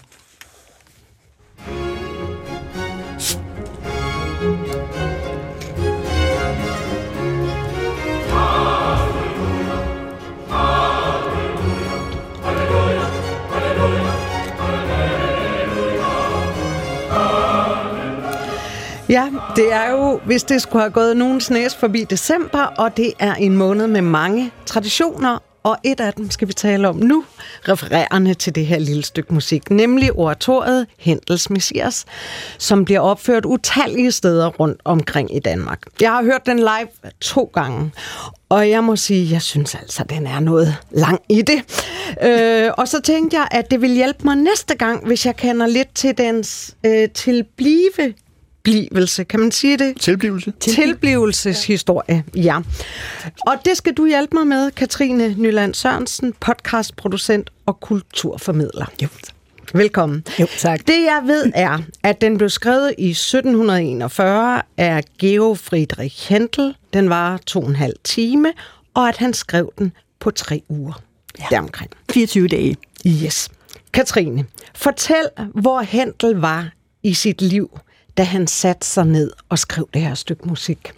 Han var en mand, som var i en dyb kunstnerisk krise og økonomisk krise. Øh, da han 30 år tidligere var kommet til London, der var han jo den fejrede komponist over alle, og det var ham, som øh, førte den, øh, de italiensksprogede opera til London. Han var manden, som øh, altid hyrede de dyreste italienske kastratsanger. Der var masser af fyrværkeri til hans operaforestillinger. Der var fulde huse, altså kæmpe, kæmpe succes. Han var så efterhånden bare ved at blive ruineret, fordi det var sindssygt dyre produktioner, han Altså lavede. betalte han egen lomme? Ja, altså det, det var jo sådan dengang der med, hvordan det gjorde. Og, øh, og han var ved at blive fuldstændig ruineret til sidst, så han gik over til at lave oratorier i stedet for, som jo er ligesom Messias, hvor øh, det kræver jo ikke kulisser på nogen som helst måde. Nej. Altså der er orkester, der er kor, der er solister, og det synes publikum i London nok var noget af det kedeligste overhovedet. Ja. Så der var efterhånden ikke rigtig nogen, der kom til hans forestillinger, så han vidste noget, at der skulle ske noget andet. Man kunne se, at han var begyndt også at skrive øh, sådan nogle særlige duetter, som var meget populære ved de tyske fyrstehoffer, så der var måske noget, der var tegn på, at han faktisk var på vej tilbage til Tyskland efter over 30 år i, øh, i London. Mm-hmm. Og øh, så ble, får han så en øh, invitation, fordi det begynder at rygtes, altså at det går faktisk ikke særlig godt for ham. Han er en mand på 56, han er sådan lidt færdig, Uh, kan man det er sige. gammelt. Ja, det er gammelt, det er gammelt. øh, og øh, der er blandt andet ham, som er øh, musikchef for, ved øh, hoffet i, øh, i Dublin, som så sørger for at trække i de rigtige tråde og sige, ved du hvad, du trænger simpelthen til at komme herover. Herover, der vil folk elske din musik. Ja. Øh, fordi der var, kan man sige, den her øh, øh, anglo-irske egentlig engelsk øh, overklasse, som jo gerne vil være lige så fine og fornemme og med på det nyeste nye, som de var i resten af Europa, hvor det jo så blev en kæmpe ferie i hatten for dem at kunne sige, at vi får den store Mr. Handel, som han hed. over. Og inden vi går til øh, øh, første opførelsen, eller hvad det hedder, så kunne jeg godt til mig, fordi jeg læste Ste- Stefan Zweigs øh, beskrivelse af den her tilblivelse, og jeg ved ikke, hvor meget man kan sætte lid til det, men han beskriver det nærmest som om, at Hentel var syg, nedbrudt, og så kommer denne ven og partner, Jennings, Charles Jennings. ja, med øh, librettoen her. Og så går han i sådan et frantic af arbejde og nærmest genopstår. Er det en romantiserende af forløbet? Det er en kraftig romantisering, det, lyder, det lyder jo rigtig, rigtig Ja, godt. det altså, øh, Hentel var en meget, meget pragmatisk mand, og han arbejdede altid i et rasende tempo. Altså, da han var færdig med at skrive Messias over 24 dage, der gik han dagen efter i gang med at skrive en ny libretto til, en, til et andet oratorie. Okay. Så han arbejdede effektivt, øhm, og det er jo en fantastisk, der er også i Stefan Zweig, der skriver, hvordan han afviser tjeneren, der kommer ind, fordi han hverken spiser eller drikker. Ja. Se maleri af Hentel, han var rigtig, rigtig glad for mad. Så, øh, og, og, og det, der er interessant, det er, at mens Charles Jennings til gengæld, som skrev librettoen, han havde en klar ambition med, hvad Messias skulle være. Altså, der er også noget, der tyder på, at da han var over at aflevere librettoen, nogen mener, der gik op til 18 måneder, før Hentel overhovedet kastede et blik på det. Så det var ikke fordi, han på den måde så, og når han så satte sig ned og skrev, så skrev han hammerne effektivt. Altså, det kan man også se, hvis man kigger på øh, altså partituret, noderne til Messias, at der er stort set ikke nogen ændringer. Altså, han er en mand, der har skrevet med fast, sikker hånd. Mm. Nu hørte vi lige Halle- Halleluja-koret til, en- til en start, og det er jo helt vidunderligt, og det er jo det, som Hendels Messias er blevet kendt for. Men hvad sker der egentlig i resten af tiden? Fordi så siger Gitte jo også, at den forekom hende noget langt. Hvordan er den kvalitetsmæssigt? Fordi det er klart, stykket ville slet ikke være så kendt uden Halleluja-koret, men, men, men er det andet også godt? Ja, det synes jeg. Det synes jeg. Altså, jeg, synes, altså, jeg kan så finde oratorier, som jeg faktisk synes måske er endnu bedre end, end, øh, end Messias. Men jeg synes, altså, det der jo gør det særligt, det er jo, det er en form for skrabbog over Bibelen. Mm. Altså, det er jo så øh, specielt som en, en, en musikforestilling, kan man sige, hvor der er jo ikke nogen øh, fortæller, øh, der er ikke nogen jeg-fortæller, der, der er ikke nogen noget plot. handling, der er ikke noget plot. Altså, det er sådan, men øh, altså Charles Jennings, han var en meget, meget religiøs mand. Og øh, det var hans ønske med det her øh, oratorie, at øh, det skulle nemlig ikke opføres i en kirke, det skulle opføres i teater, var hans ønske, fordi så skulle folk blive så grebet af det kristne budskab, så de straks ville leve et øh, gudsfrygtigt liv. Øh, og øh, Charles Dickens var meget åben og ærlig om, at han så simpelthen øh, Hentel som, som sit redskab. og øh, Charles Dickens var rasende på Hentel efterfølgende over, at han syntes simpelthen, at musikken var elendig. Altså, at han var så sur over, hvorfor at han brugte så lidt tid på at skrive musikken, altså kun 24 dage. Og han brugte resten af sit liv på at fortælle alle, der gad at lytte til ham, at øh, han syntes, musikken var noget bras. Altså, han havde virkelig ønsket, at Hentel bare havde gjort, havde gjort mere lidt mere, lidt mere umage. Og da Hentel nogle år efter bliver meget, meget syg, der mener Jens på en eller anden måde, det er sådan lidt af Guds straf for, Hold at han tjuskede, som han gjorde. Katrine, vi skal lidt senere i dagens program, øh, når du er øh, har taget din velfortjente pause, eller fået fri, så skal vi tale om unge og modeord. Og et ord, som jeg har hørt for ganske nu, det er banger. Øh, når noget er godt, så er det en banger. Så hvornår bliver Hentels Messias for alvor en publikums banger, fordi der er den her kontrovers, som du siger, mellem skaberne af værket, og, øh, og der er også et publikum, som lige skal vende sig til den type øh, musikopførsel, men, men, men hvornår sidder den der? Altså, øh, den sad faktisk med det samme lige i skabet, i, øh, da den blev først opført i Dublin i 1742. Folk var fuldstændig begejstrede. De råbte simpelthen, it's ja, a banger! Det, ja, men det gjorde de virkelig. Altså, øh, publikummet i London var sådan lidt mere tøvende om, hvad de egentlig synes om det. Det er sådan først senere i løbet af, af 1700-tallet, at det mm-hmm. begynder at for alvor slå fast. lad, lad, lad os bare bruge det ord i stedet for banger. præcis, i stedet for banger. Vi fra den gamle verden ja, foretrækker ja, det. Yes. Ja, min, min dreng, han kalder salmer for kirkebangerne. okay. så ja, ja, den er god nok. Ja.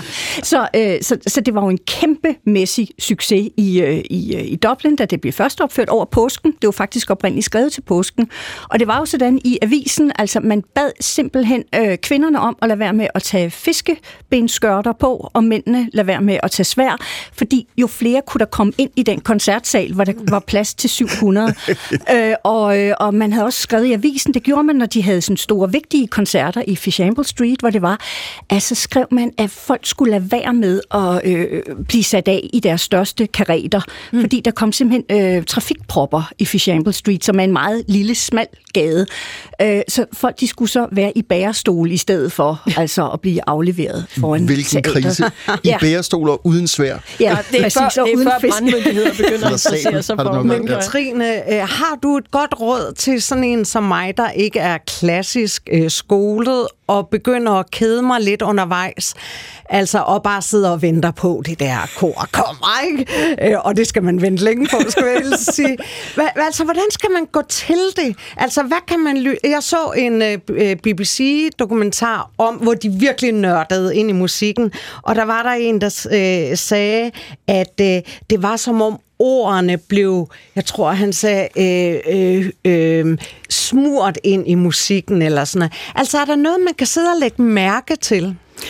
Jamen, jeg synes jo egentlig bare, øh, som jo gælder meget stor musik, at man måske bare skal, skal tage sig den tid. altså, ja. Og øh, altså, ligesom give sig hen. Altså, det, det, det er det, der altid også vil være mit, øh, hvad hedder sådan noget, øh, gode Men, råd til. men, men, men hvis man ikke ligesom kender den, så bliver det bare sådan en lang, nå, nu kommer der et stykke mere, nu kommer der en sats mere, eller hvad hedder det. Altså, er der noget andet, man kan lægge mærke til, end det der øh, store øh, halleluja-kor? Nej, altså, men, men, man kan jo få meget, men, men det er fordi, jeg, øh, nu er jeg jo sådan en nørd, som både godt kan lide musik, men jeg er også oprindeligt uddannet skinpol, og jeg kan altid godt lide det der med musikken, og så sådan sætte det ind i sådan en større historie, Ja. ja. samfundsmæssig kontekst.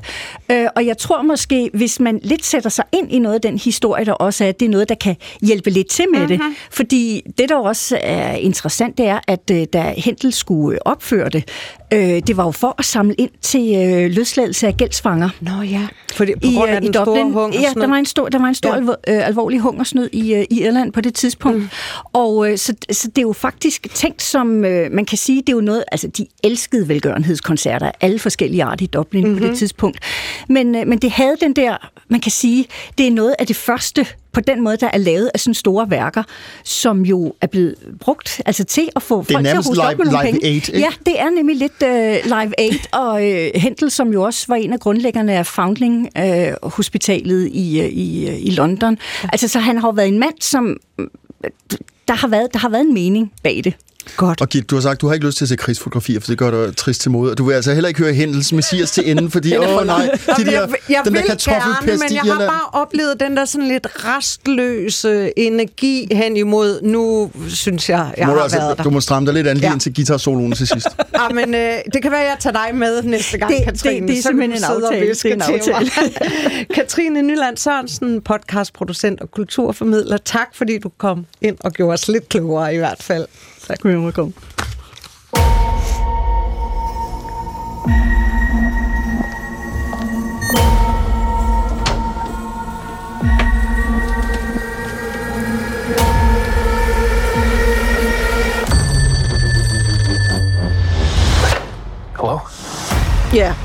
det her det er kendingsmelodien fra Netflix allermest sete serie, en der hedder The Night Agent. Den er blevet set, som jeg også øh, startede udsendelsen med at sige, i svimlende 812 millioner timer. Prøv lige at tænke over det. 812 millioner timer har mennesker overalt i verden brugt på at se The Night Agent. Og spørgsmålet er, hvorfor vi ved det. Og det ved vi så, fordi at Netflix har offentliggjort deres seertal øh, meget mod sædvane, for faktisk var Netflix de første til at kunne gøre, at de ikke ville offentliggøre seertal. Da de starter med øh, at, at blive streamingtjeneste uden for USA i, i, i 2010 og kommer til Skandinavien i 2012, jamen altså, der er ikke nogen seertal. Så man ved simpelthen ikke, hvad der bliver set på Netflix, og hvad der ikke bliver set. Altså, de ved det selvfølgelig selv, øh, men, øh, men for eksempel dem, der laver Altså, filmskaberne, de ved ikke, hvor mange seere deres, øh, deres film- og øh, tv-serier øh, har. Øh, men nu går de så øh, konto hos Netflix, øh, og derfor ved vi så altså ret præcist, hvad der bliver set på streamingtjenesten, eller hvad der er blevet set i det sidste halvårs tid. Det er over 18.000 film og tv-serier, man har at vælge imellem, hvis man har abonnement på, øh, på Netflix. Netflix selv har sagt, at de gerne vil være mere gennemsigtige over for medier, altså også filmskabere, altså instruktører, manuskriptforfattere, skuespillere osv., men også seerne. Men spørgsmålet er, om vi køber den øh, forklaring, og hvad for nogle konklusioner, man kan drage ud fra, fra den her rapport, som, øh, som Netflix har offentliggjort. Jakob Ludvigsen, du er vores gæst, øh, filmredaktør hos øh, Sound Venue.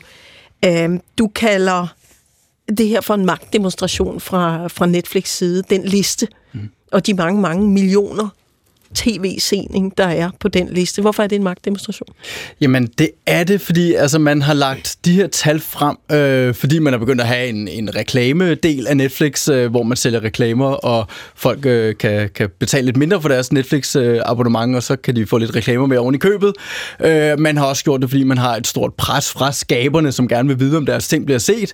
Men alt det kunne jo godt have ført til, at man bare internt over for øh, annoncører, over for filmfolk sagde, øh, nu skal vi nok fortælle jer helt øh, hush hush, hvad, hvor meget, meget jeres ting bliver set. I stedet så gør Netflix det, at de lægger det ud til hele verden. Ikke? Det er 99 procent af alt, hvad der bliver set for Netflix, har de bare lagt ud og set. Værsgo, nu kan I se lige præcis, øh, hvad der er interesse for. Og det ville man ikke have gjort, hvis de tal var dårlige.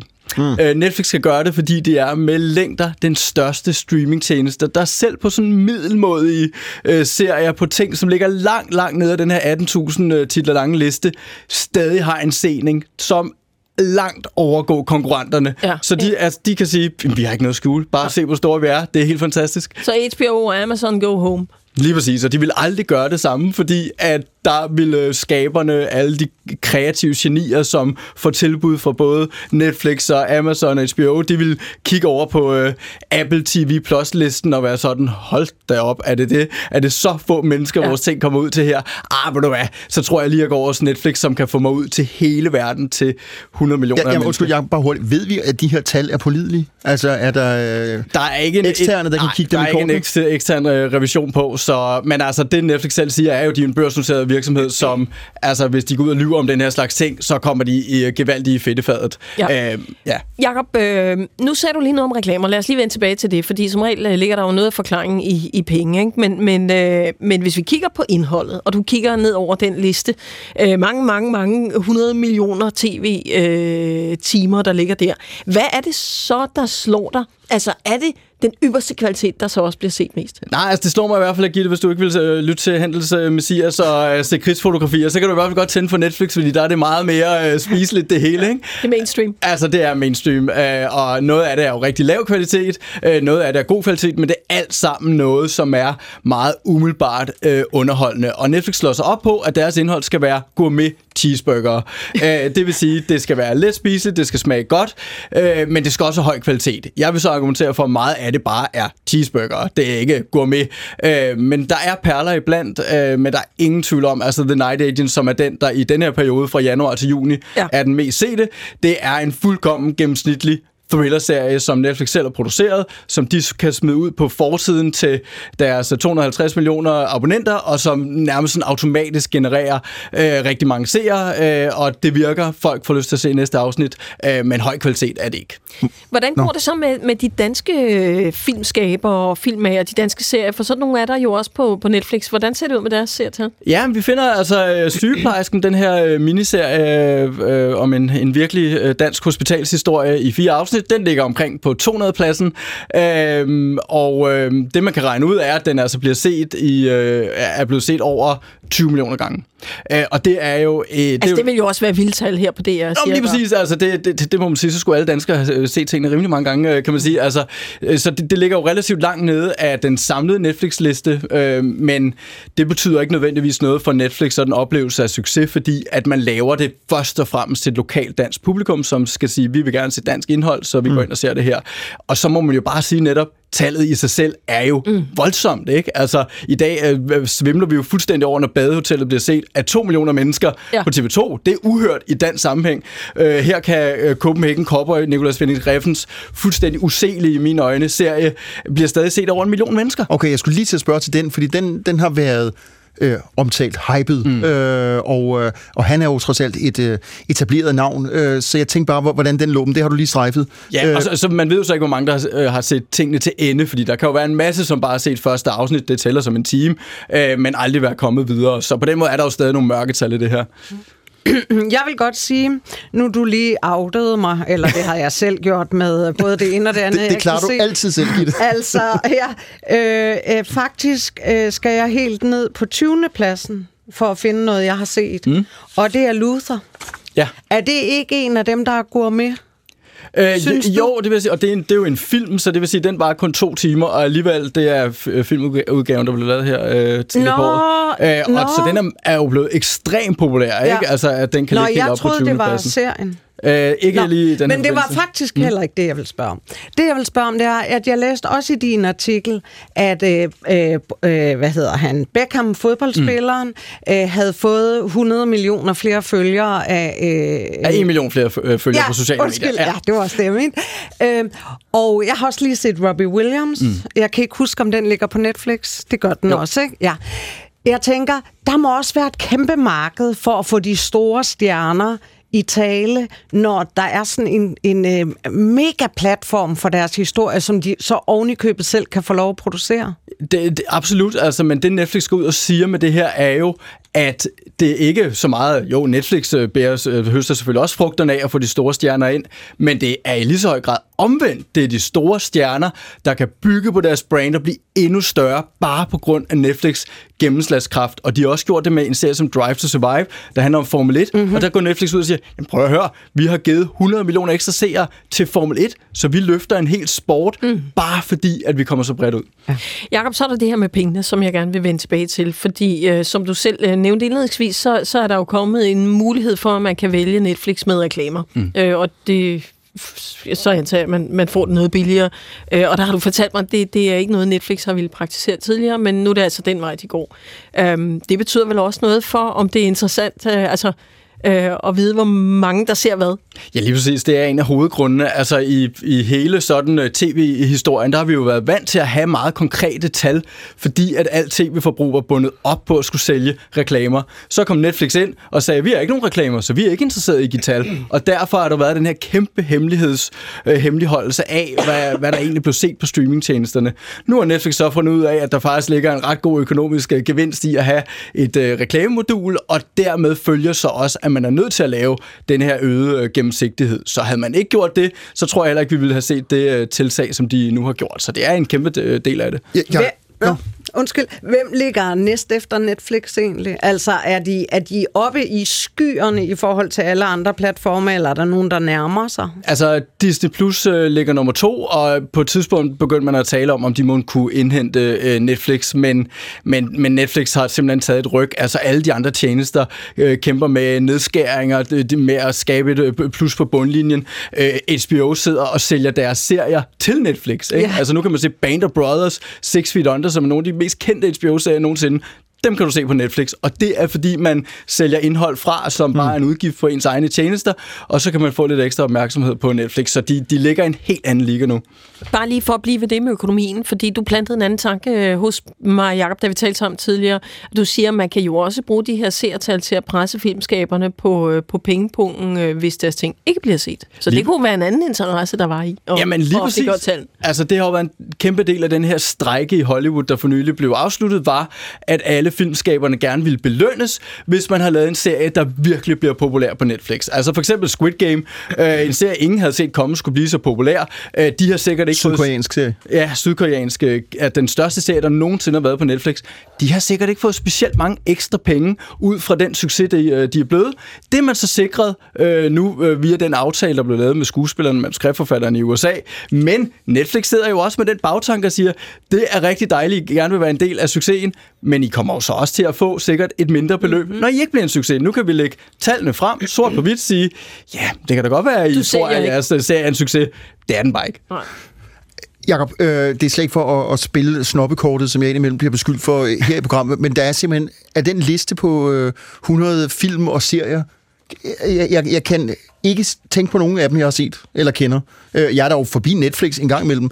Øh, altså, betyder det, mm, og du har sådan set øh, delvis svaret på det, at, at de simpelthen ikke animerer til, at det vi kunne kalde lidt smallere film, eller øh, for at bruge dit eget ord, altså den, den gastronomiske cheeseburger, altså de- dem kan man øh, kigge efter i øh, vejviseren. Altså, der bliver mindre plads til dem. de har lidt på filmfronten, fordi der vil Netflix jo gerne ind øh, og på den røde løber til Oscarshowet og få noget prestige ud af alt det der.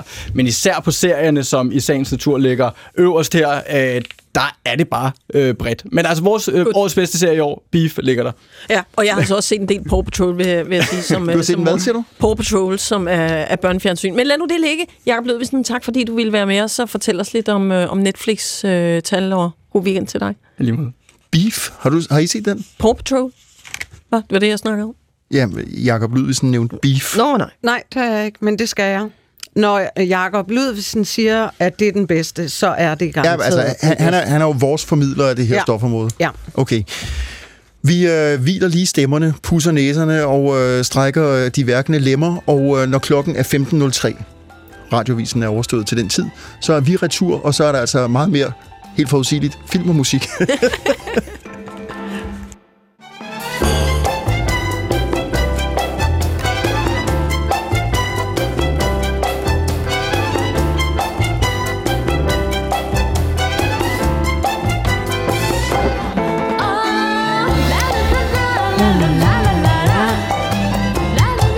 man skal bare ikke sidde og slå til mikrofonen, Gitte. Det er dumt. Gitte. Hvorfor gør du det så? Du skal ikke have afsløret mig. Nå, velkommen. Oh, kæmpe Jeg ved ikke, hvorfor jeg er så pjattet. Undskyld.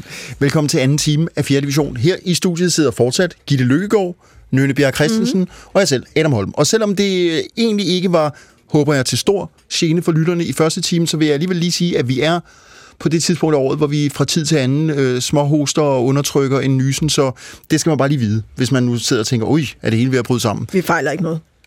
Ikke rigtigt. Der er alt muligt uopdaget. Nå, vi har en, en team, som øh, jo i øh, lighed med det meste af første team står i musikken og filmens verden. Vi skal forbi Leonard Bernstein, vi skal tale om øh, yndlingsjulefilmen for Nønne og øh, Gitte, eller i hvert fald for Nønne, der hedder Love Actually.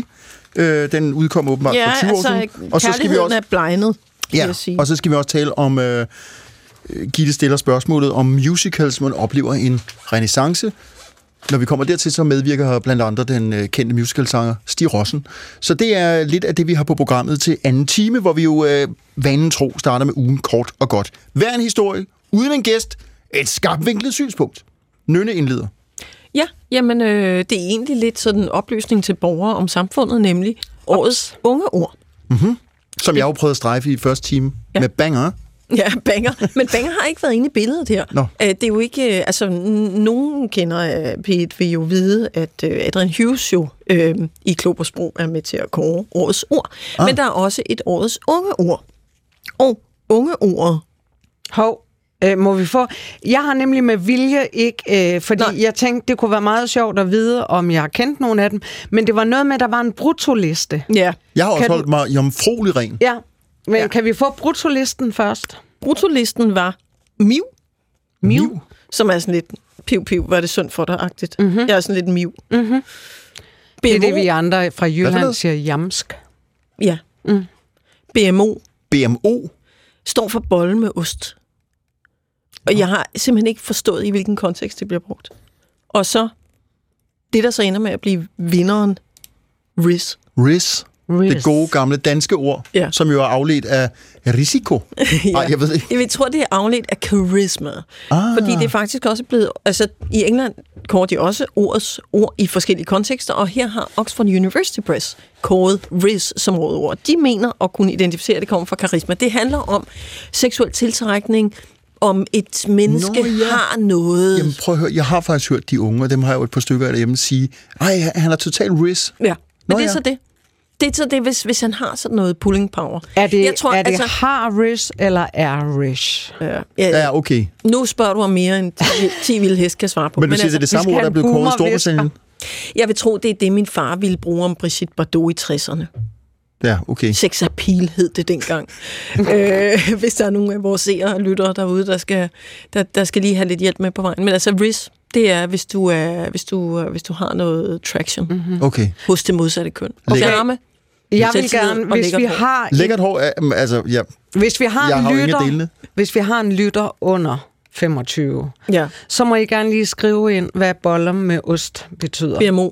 Ja, for og, og jeg kigger faktisk, kan jeg godt sige, det kan lytterne ikke sige, jeg kigger appellerende gennem den glasrude, der adskiller os fra vores Unge. gode redaktionelle Ja. ja. kolleger, og de, de er alle sammen under 30, og der er ingen af dem, der reagerer på BMO. Nej. De ser også forvirret ud, så det er formentlig et rigtig unge ord. Ja. Ja. ja, men ja, vi ved godt, nu siger vores producer bollemost, det ved vi godt, Ja, vi ved godt, men det vi står ved for ikke, hvordan man bruger det. Nej. Altså, er det simpelthen bare en morgenmadsdeklarering? nej, nej, nej. Okay, der, bliver, der, der kommer thumbs up, fordi... Som, Det kan da øh, ikke bare være det, en det lyder i min morgenmad. øresnegl, man siger, hey, jeg skal lige have en BMO. Okay, Også selvom man bare spiser øh, mysli. BMO. Okay, det, Nå, det kan jeg Jamen, hvis det er en fælles betegnelse for morgenmad. Jamen, så ved jeg. Okay, så hvis man siger, at jeg skal lige have noget BMO, så skal vi bare have noget i skrutten. Okay, Ja. men Og jeg skal have noget BMO for at øh, justere min BMI, Og det som vi- man jo også siger tit. Ja, og det vi gav til Nikolaj Thyssen, det var også noget BMO. Han fik en halv romkugle, fordi han kunne se, Ja, at det var det, han jeg, havde synes, det er meget interessant det her. Er der to mere fra den der brutoliste, vi lige For, for ellers så har du ikke mere at byde på. Øh, Ja, jeg har altså kun tre Nå, lige på mit okay. papir. Jeg, altså, undskyld, det bliver anekdotisk og personligt, og ikke noget. Ja, øh, men det må du... som øh, måske har belæg for sprogforskning med, men jeg har hørt øh, Delulo. Kender I det? Nej. Ej, hun er totalt Delulo. Eller han. Delusional. Og det indgår også i de unges sprogbrug. Simpelthen, ah, jeg talte med, øh, talte med Carla forleden, hun er totalt Delulo. Men er, Hvad er man så? Altså, så, så, så er man gammel, fordi jeg hører jo dårligt nu. Jeg har været i alt for mange krigszoner, så jeg tror, de siger, hun er fra Luleå, som ja. er i Sverige. Så, ja, hun det? Jeg tror, hun var fra Amager. Nej, hun er Delulo!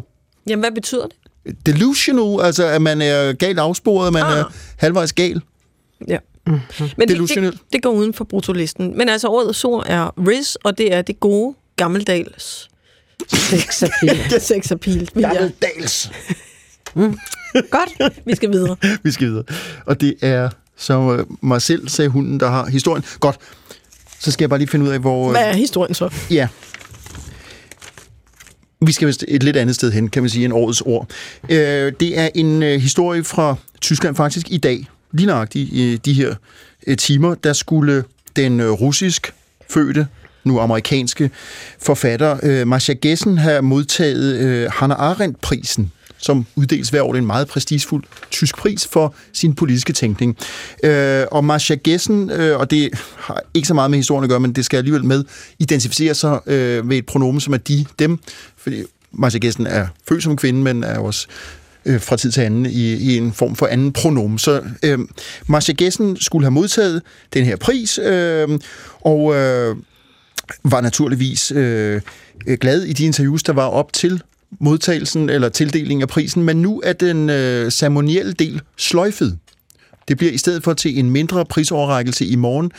Øh, jeg havde nær sagt en lyssky prisoverrækkelse. Mm-hmm. Og grunden er, at Marcia Gessen angiveligt er kommet til at fornærme øh, Heinrich Bøll, øh, stiftelsen, som er dem, der uddeler mm. den her pris, ved i, en, i et essay, Marcia Gessen, skal jeg skynde mig at sige, skriver bøger. Hun har, øh, de har skrevet en fremragende bog om Putin, Marcia Gessen er altså oprindeligt født i øh, Sovjetunionen og har et særligt godt kendskab til russisk historie og kultur øh, og er flyttet til USA. Og øh, de har så, Marcia Gessen, øh, skrevet en, øh, et essay, hvor, øh, hvor Gaza bliver sammenlignet med en jødisk ghetto under 2. verdenskrig. Mm. Mm-hmm. Og det er en sammenligning... Det var for skrabkost. Det var åbenbart for skrabkost, fordi selvom Marcia Gessen angiveligt, jeg har ikke læst det pågældende essay, ikke skriver, at den israelske her gør det samme, som værnemagten og SS gjorde mod jødiske ghettoer under 2. verdenskrig, altså den såkaldte likvideringspolitik, så, an, så, så læses det sådan, når Gaza bliver kaldt en ghetto. Og derfor, øh, fordi det er, det ved alle og enhver, der lytter med her, jo et meget, meget politisk, ømtåligt emne, så øh, har Heinrich Bøll Stiftung åbenbart, og jeg mener, der er en særlig tysk kontekst her, valgt at sige, vi, vi, vi kan ikke sådan holde en prisfest for en, der har kaldt Gaza for en ghetto, og dermed ligesom laver det her, øh, sætter det her fællestegn. Med til historien, hvis jeg lige skal fortsætte talstrømmen, høre, at Marcia Gessen kommer fra en russisk-jødisk familie. Store dele af hendes slægtning, både på farens og morens side, blev dræbt under holocaust, altså øh, den tyske fremmarch også gennem Sovjetunionen. Så det er jo ikke, fordi vi her har at gøre med en, som står på den yderste antisemitiske revle. Vi har at gøre med en, der læser historien, og som i øvrigt i lighed med Hanna Arendt, der også tillod sig fra tid til anden at være Israel-kritisk, peger på, at man kan da godt kalde Gaza en ghetto. Så det er et synspunkt, hun fremfører. Og det fører altså til, at, at øh, den her meget øh, indflydelsesrige, man kan måske også sige magtfulde, Heinrich Bøll Stiftung, bliver så forskrækket, så de aflyser prisfesten. Men de er dog ikke gået så vidt som at sige, at vedkommende ikke skal have prisen? Nej, det er rigtigt. Og det er så, jeg vil lige sige ironien i det her. I morgen, hvis jeg har forstået øh, historien rigtigt, så får øh, Marcia Gessen tildelt prisen, øh, som nu kaldte det lyssky, det er måske forkert, men det bliver i hvert fald ikke med pop og, Ja, lidt gedult, og øh, åbenbart ikke med, med den øh, offentlige tilstedeværelse, som den her prisoverrækkelse hvert år medfører. Mm. Er det ikke en, en tidstypisk historie? Jo, altså jeg skulle lige til at sige det, altså hele det her er jo så betændt, fordi jeg synes jo ordmæssigt, eller hvis man går ned i sematikken, så betyder ghetto vel et inddæmmet befolkningsgruppe. Så på den måde kan man jo argumentere for, at det objektivt set er korrekt. Jo, men så uskyldig er der vel ingen grund til at være i den nuværende kontekst. Altså, det er vel brugt af en årsag.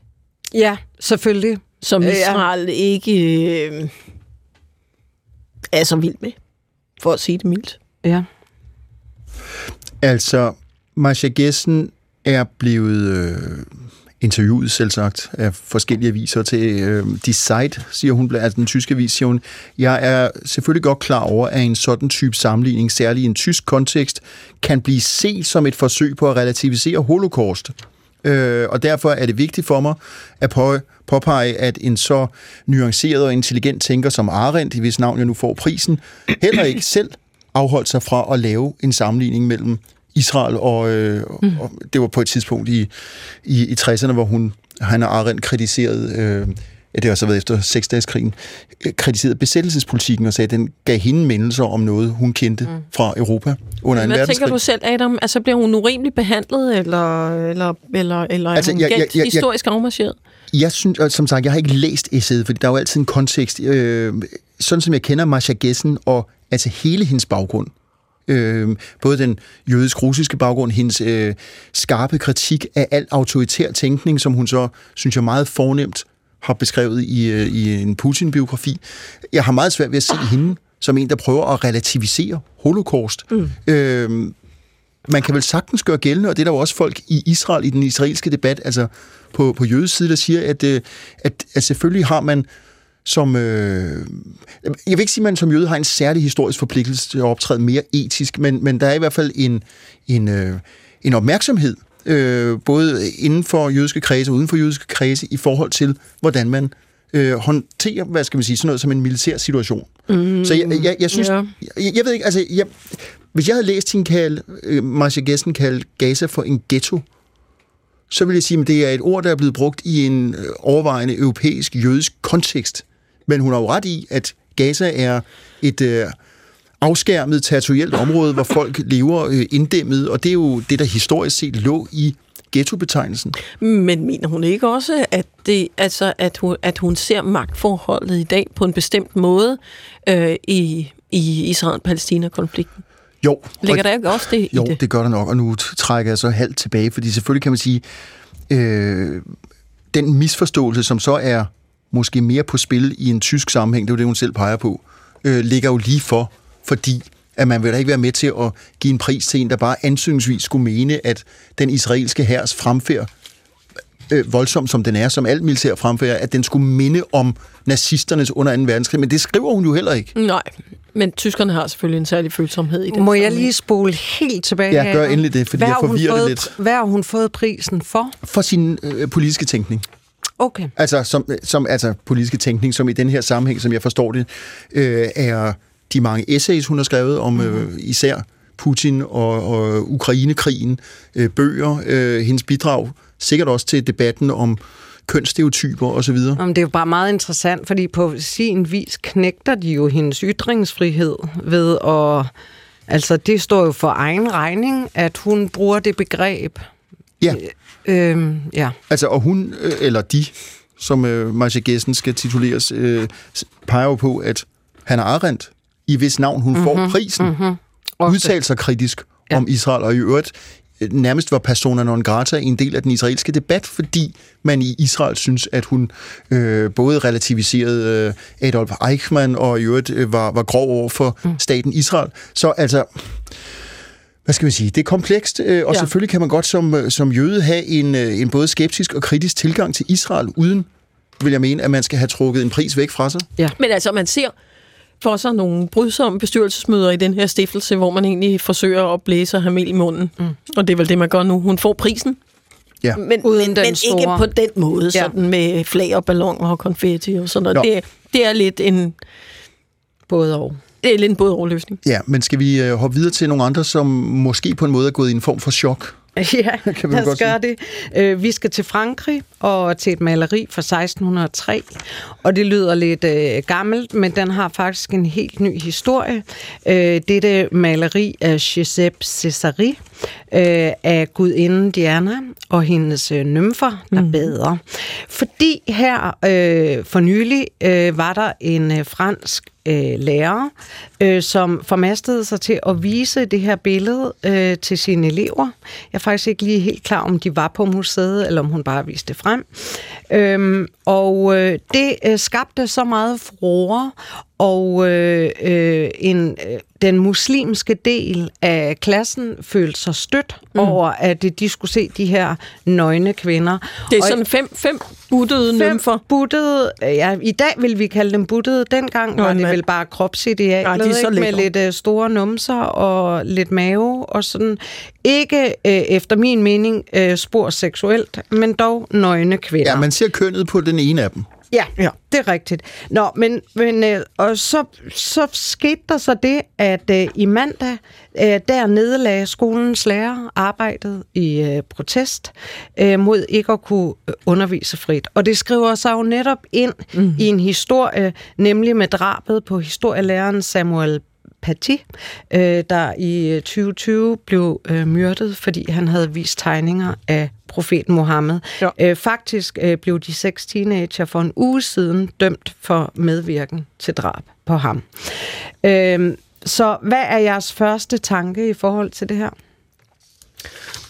Jeg tror også, det fremgik i artiklen, at de der elever måske havde trukket lidt tilbage ja. efterfølgende og sagt, at så var det heller ikke værre. Men, men når jeg tænker på, hvor, øhm, hvor, hvor kulturfyldt et land Frankrig er, og hvor mange vidunderlige malerier, der hænger der, hvor mange, hvor, hvor, hvor mange museer der er, og altså, det, det er jo svært at argumentere for andet, end at det må man jo bare lære at leve med. Altså, at den nøgenhed her, i en kunstnerisk kontekst endda, altså, Ja, den skal de da lære at leve Ja. med. Det er det nødt lev til. med det. Så Altså, øh, nu nævnte du Samuel Paty, Gitte, og øh, jeg ved ikke, om du, selvom vi sidder tæt på hinanden, så er det ikke altid, man... vi er jo ældre borgere, så det er ikke alt, man hører. Jeg ved ikke, om du nævner, at der også har været et drab i oktober i ja, år. øh, undskyld, ja. Okay. Øh, ja. Så det er jo en... Det, det er bare for at få jo, den alvorlige kontekst med. Det er virkelig en ting i, og øh, øh, øh, underligt nok for mig, især i Frankrig. Ja. Det er Men et det kæmpe er kultursamstød, det er det jo bare. Ja, øh, men det er jo nok fordi, at øh, der er en så sekulær, en øh, insisteren på sekularitet i Frankrig, som øh, møder en, øh, en modstand. Jeg ved det ikke.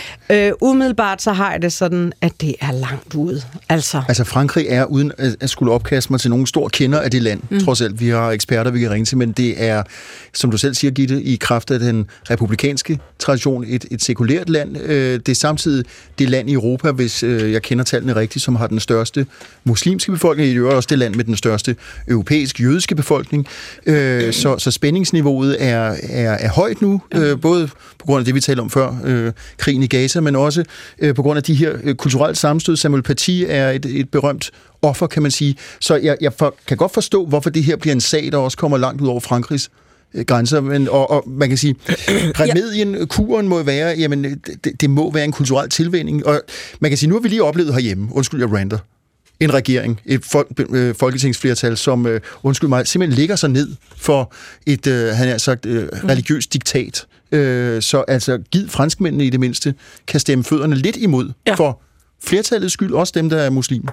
Så i den seneste happening af den iranske kvindelige kunstner, hun havde revet, Firouzeh Basrafgan. Hun havde revet 94 guldrødder foran Christiansborg som udtryk for, at 94 havde stemt for koranlov. Det Ja. synes jeg alligevel var ret sofistikeret. Den og er jo svær. Paludan har lavet en teatertrup.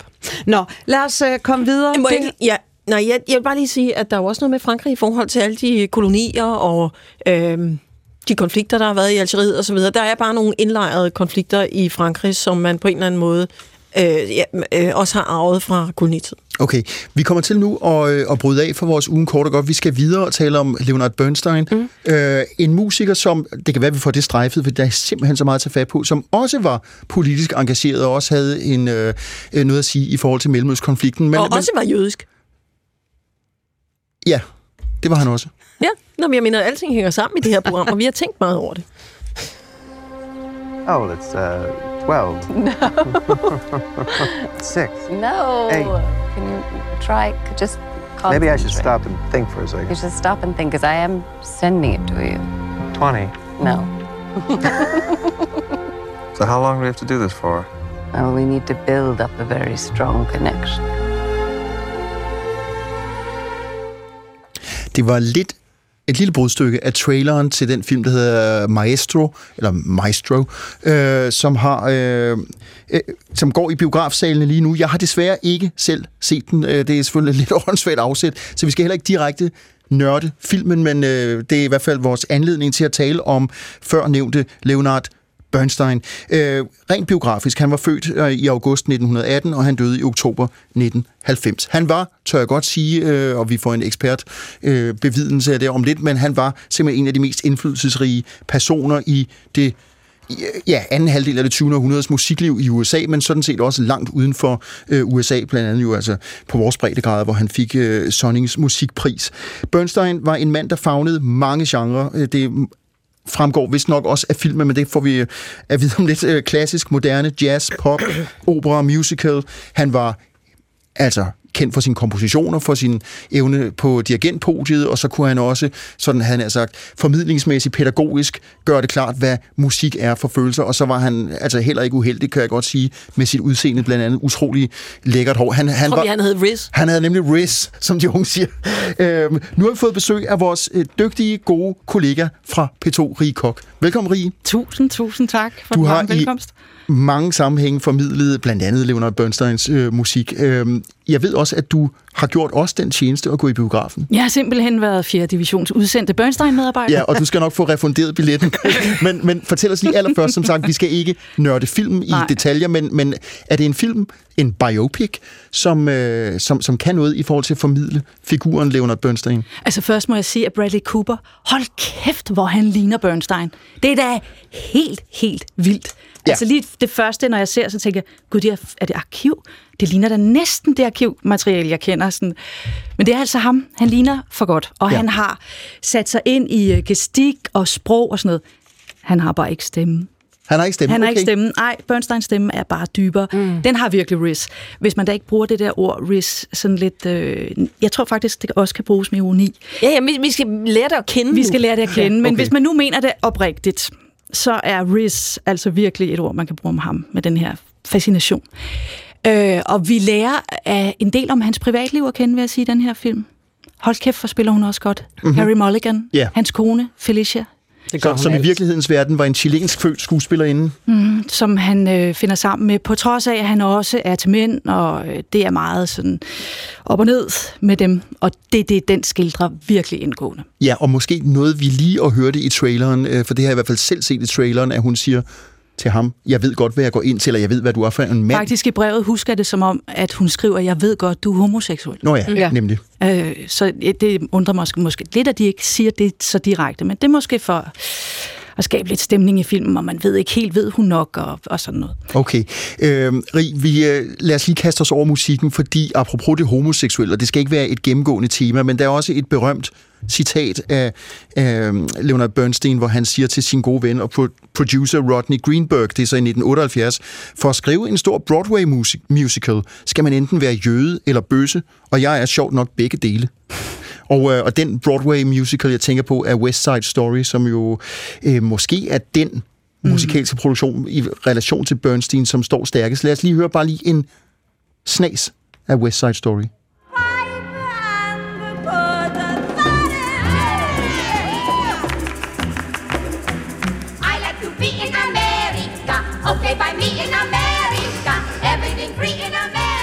Ja, så kan man jo så... Ja, altså det er det, der gør ham kendt, ikke? Ja. Altså det er det, der gør ham virkelig øh, famous øh, i brede kredse. Udover det der pædagogiske, som du også siger, den del var jo også virkelig vigtigt. Mm. Øh, det får vi ikke så meget af i filmen i øvrigt, men nu slipper jeg filmen, ikke? Ja. Skal vi? Ja, ja. vi holder os til den, Ja, øh, han er altså øh, virkelig Leonard Bernstein. Ja, øh, og han sloges med det. Altså, han var bange for kun at blive husket som den, der skrev West Side Story. Ligesom han også var bange for kun at blive husket som den, der var dirigent. Og som helt ung, øh, der er han så karismatisk efter sin øh, debut, øh, så alle amerikanske komponister vil vildt gerne have, at han skal ligesom bære faklen for amerikansk musik og være den, der er dirigent for dem. Men han ville gerne være det hele. Han ville være omnipotent. Altså, er der, øh, og du har jo som nævnt beskæftiget dig med ham og formidlet ham øh, i det her regi, altså øh, DR P2. Øh, når du har lyttet til ham og, og kender hans øh, meget alsidige virke, det må man jo sige, han var jo ikke mm. kun, øh, hvad kan man sige, man kunne ikke sætte ham i bås. Nej, og, og, og når man bliver inviteret ind her og skal fortælle om ham på, jeg ved ikke hvor kort tid, Ja, ja, ja. så bliver man sådan helt... Ah, Ja, jeg, jeg, jeg, jeg ved det, det er, det er, programmets, det- det er programmets DNA, ja. Ja. øh, og vi opfordrer så til at finde noget af det, du blandt andet har lavet i P2-regi. Men det, jeg vil spørge til, med det alsidige virke, han har, kan du finde, eller ja, pege på en rød tråd i hans musikalske virke? Altså, kan man sige, der er sådan et A til Z i Leonard Bernsteins virke? I virkeligheden så er det det der med at være den der alsidige mand, der kan det hele. Det er i virkeligheden det, der er den røde tråd. Altså, også når han dirigerer, han skaber musikken, når han står på podiet. Det er ikke som de andre, der gengiver det øh, fra komponisten. Han skaber musikken. Han er nærmest maler, når han står og dirigerer maler. Hvad vil det sige? Altså for os, der ikke øh, Ja, altså, der kender dirigentrollen som sådan. Altså, der findes en, en øh, sød lille anekdote, som jeg måske bare... Jeg kan ikke lige huske sådan helt eksakt, men den, det er en anekdote, der hedder, at der mødes to mennesker i Wien. Den ene er musiker i Wien og Philharmonikerne, og, og den musikinteresserede spørger, Nå, hvad skal Bernstein så dirigere på fredag? Ja, jeg ved ikke, hvad Maestro Bernstein skal dirigere, svarer musikeren så. Men øh, vi har tænkt os at spille Beethoven. Okay, ja, det var faktisk øh, meget sigende. Jamen, jeg vil nemlig gerne have dig, fordi vi bliver jo nødt til at slå ned nogle steder. Øh, fordi jeg er ikke øh, klassisk musikkyndig, så kan du nørde ind i netop det, fordi det interesserede mig meget, da jeg hørte øh, øh, øh din historie på P2. Altså det der med, hvad var det, der adskilte ham så meget? Altså fordi når jeg ser dirigenter, så ser jeg nogen, der dirigerer fra et partitur. Mm. Hvad var det, han... Øh, altså, hvad var det, han kunne, øh, når han stod med dirigentstokken? Tænker du på som, som lytter, hvad du får? Nej, det ekstra? var mere sådan med for musikerne. Hvorfor var han så anderledes end andre dirigenter?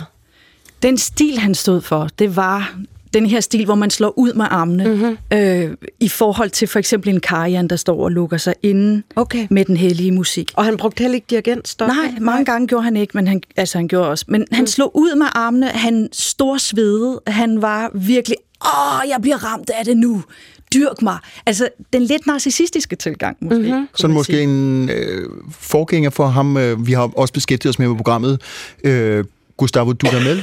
Sådan lidt i den retning. Øh, ja, men øh, jeg, jeg er ikke sikker på, at øh, Gustavo Dudamel på den samme måde er... Jeg kan godt se, hvad du mener. Den der glæde, vi er samlet. Vi er sammen om musikken her, alle sammen. Øh, jeg kan godt se det, men på den anden side, så synes jeg, at der er bare lige gang 100 med Bernstein. Ja, Og det okay. lyder også meget kropsligt. Meget. Ja. Altså, det siges jo, at Karajan for eksempel, som blev set som sådan en modsætning til Bernstein, den tyske-østriske skole, øh, at Karajan, han ikke svedte overhovedet, når han dirigerer. Mm. og så står Bernstein der. Nej, nu nævnte du lige det der med det centrale europæiske, øh, øh, øh, tysk-østriske, det, det er der meget klassisk musik stammer fra. Øh, og, og, og Bernstein lever jo lige akkurat i en, i en fuldstændig vanvittig periode i, ja. i Europa-historien, i hvert fald i verdenshistorien, øh, og er, er jøde, øh, mm. men, men er jo overvejende i USA og, og overlever selvfølgelig også jødeforfølgelserne. Men, men er det at være jødisk noget, der kommer til at præge hans kunst, eller kommer til at præge hans, øh, hans liv også kunstnerisk? Det er jo for eksempel sådan noget, som filmen overhovedet ikke er inde på. Selvfølgelig nævner den, at han er jødisk, eller hans far var især meget troende. Øh, men det gensyrer hele Bernsteins liv og hans kompositioner. Mm. Altså, det er så dyb en ting for ham. Han er i Israel i flere omgange. I 48, bomberne falder om ørerne på ham og musikerne. Han er tilbage lige efter seksdagskrigen. Bomberne falder også. Altså, han er øh, i den grad forbundet med Israel. Samtidig med, han har et, et politisk virke, hvor han også huser øh, Black Panther for eksempel. Ja. Øh, der er ret mange ting, der sådan strider imod hinanden, men han er et meget, meget samfundsengageret menneske. Men kan man altså læse ud af hans musik, øh, ja. eller er det sådan mere ham nej, som figur, nej, nej, han, som bruger, han, han har skrevet flere værker, som knytter sig til hebraisk, til, øh, til den, øh, det gamle testamente, til Bibelen. Mm. Øh, så han bruger det i sin Det, musik. det, der egentlig er Ingen- ejendommelig rig, undskyld jeg afbryder, men det, det der er ejendommeligt, at filmen ikke har den dimension Ja. med, og det kan du selvfølgelig Ja. ikke stå til regnskab for. Nej, altså jeg, ja, vi kender jo godt af skarp vinkel, ikke? Jo. Og lige nu står, står vi lige her og ruller alt muligt ud. Men, øh, men, men der har den besluttet sig for, at det er den private Bernstein, mm. Felicia historie, den skildrer. Og musikken kommer ind som dirigenten Bernstein, komponisten det er som musical-komponisten, og jeg kan godt forstå det, det var det, der gjorde, at han blev så stort et hit. Det var, at han kunne fagne den amerikanske nation, også med populær kultur. Men selvfølgelig for mig, der betyder han så meget mere end det også. Kunne man, altså, øh, Bernstein siger, du var bekymret for at blive erindret kun som øh, værende for eksempel ophavsmand til West Side Mm. Story. De var så i øvrigt øh, andre. Han var ikke ene om Nej. Steven Sondheim var Lige også- præcis. Ja. Ja. Øh, men øh, det lyder jo til, og, og, eller rettere sagt, det lader til, at, at Bernstein, han kunne simpelthen fagne øh, mange genrer, mange, øh, hvad kan man sige, miljøer, uden at blive øh, latterliggjort eller, eller sådan mm. øh, marginaliseret, øh, hvilket jo ikke sker for alle Så, så han... Øh, egentlig bare for at få understreget Ja. hans, hans storhed. Altså i, i det klassiske miljø har man ikke rynket på næsen af ham, fordi han var simpelthen for god. Han var Sådan- skidegod. Han har været pisseirriterende. Der var en medstuderende, der ville skyde ham en gang, og der var en anden dirigent, der ville kvæle ham. Altså, han var pissedygtig. Han var bare hele tiden hurtigere end alle andre. Han sov ikke og sådan noget. Ja, altså, han fagnede det hele. Jeg tror også, det er selvfølgelig det, der er hans problem. Han, da han døde, der var han på vej med en opera af en eller anden art, der hed Babel. Altså, som virkelig skulle være det helt store megalomane projekt. Og jeg tror et eller andet sted, han er, er død som en ulykkelig mand, tænker jeg, fordi mm-hmm. han fik det aldrig gjort. Han fik det aldrig lavet. Det ultimative værk. Det er, min, det er bare min lille øh, opfattelse af ham. Rig, man kan jo gå ind og høre det, du har lavet om uh, Leonard Bernstein. Det har jeg allerede sagt på gang. Det er fremragende, og man kan selvfølgelig også bevæge sig i biografen. Det bør jeg også selv gøre. Ganske kort. Øh, når du tænker på hans rolle i musikhistorien, det 20. århundredes musikhistorie, hvad, hvad, hvad står sådan tilbage som det blivende, det afgørende ved Leonard Bernstein? Bernstein. Ja, ja, altså, ja, jeg tror, han sagde selv Bernstein. Men øh, ja, det er skidesvært at sige. Det er dirigenten og nogle af de der ting, da muren er faldet, han står der og, og lader dem synge Freiheit i stedet for Freude, og altså sådan nogle af de der store ting, og West Side Story selvfølgelig også. Han, han vil blive husket som dirigent, men han var den dirigent, han var, fordi han havde alle de andre sider også med. Perfekt. Perfekt. Jeg ved ikke, hvorfor jeg skal sige det på engelsk. Under omstændigheder, Rig Kok, tusind tak, fordi du var med. Selv tak. Vores gode kollega på P2.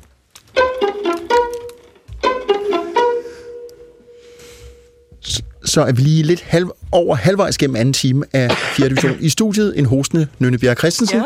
og Gitte Løkgaard. Jeg selv hedder Adam Holm, og vi skal videre.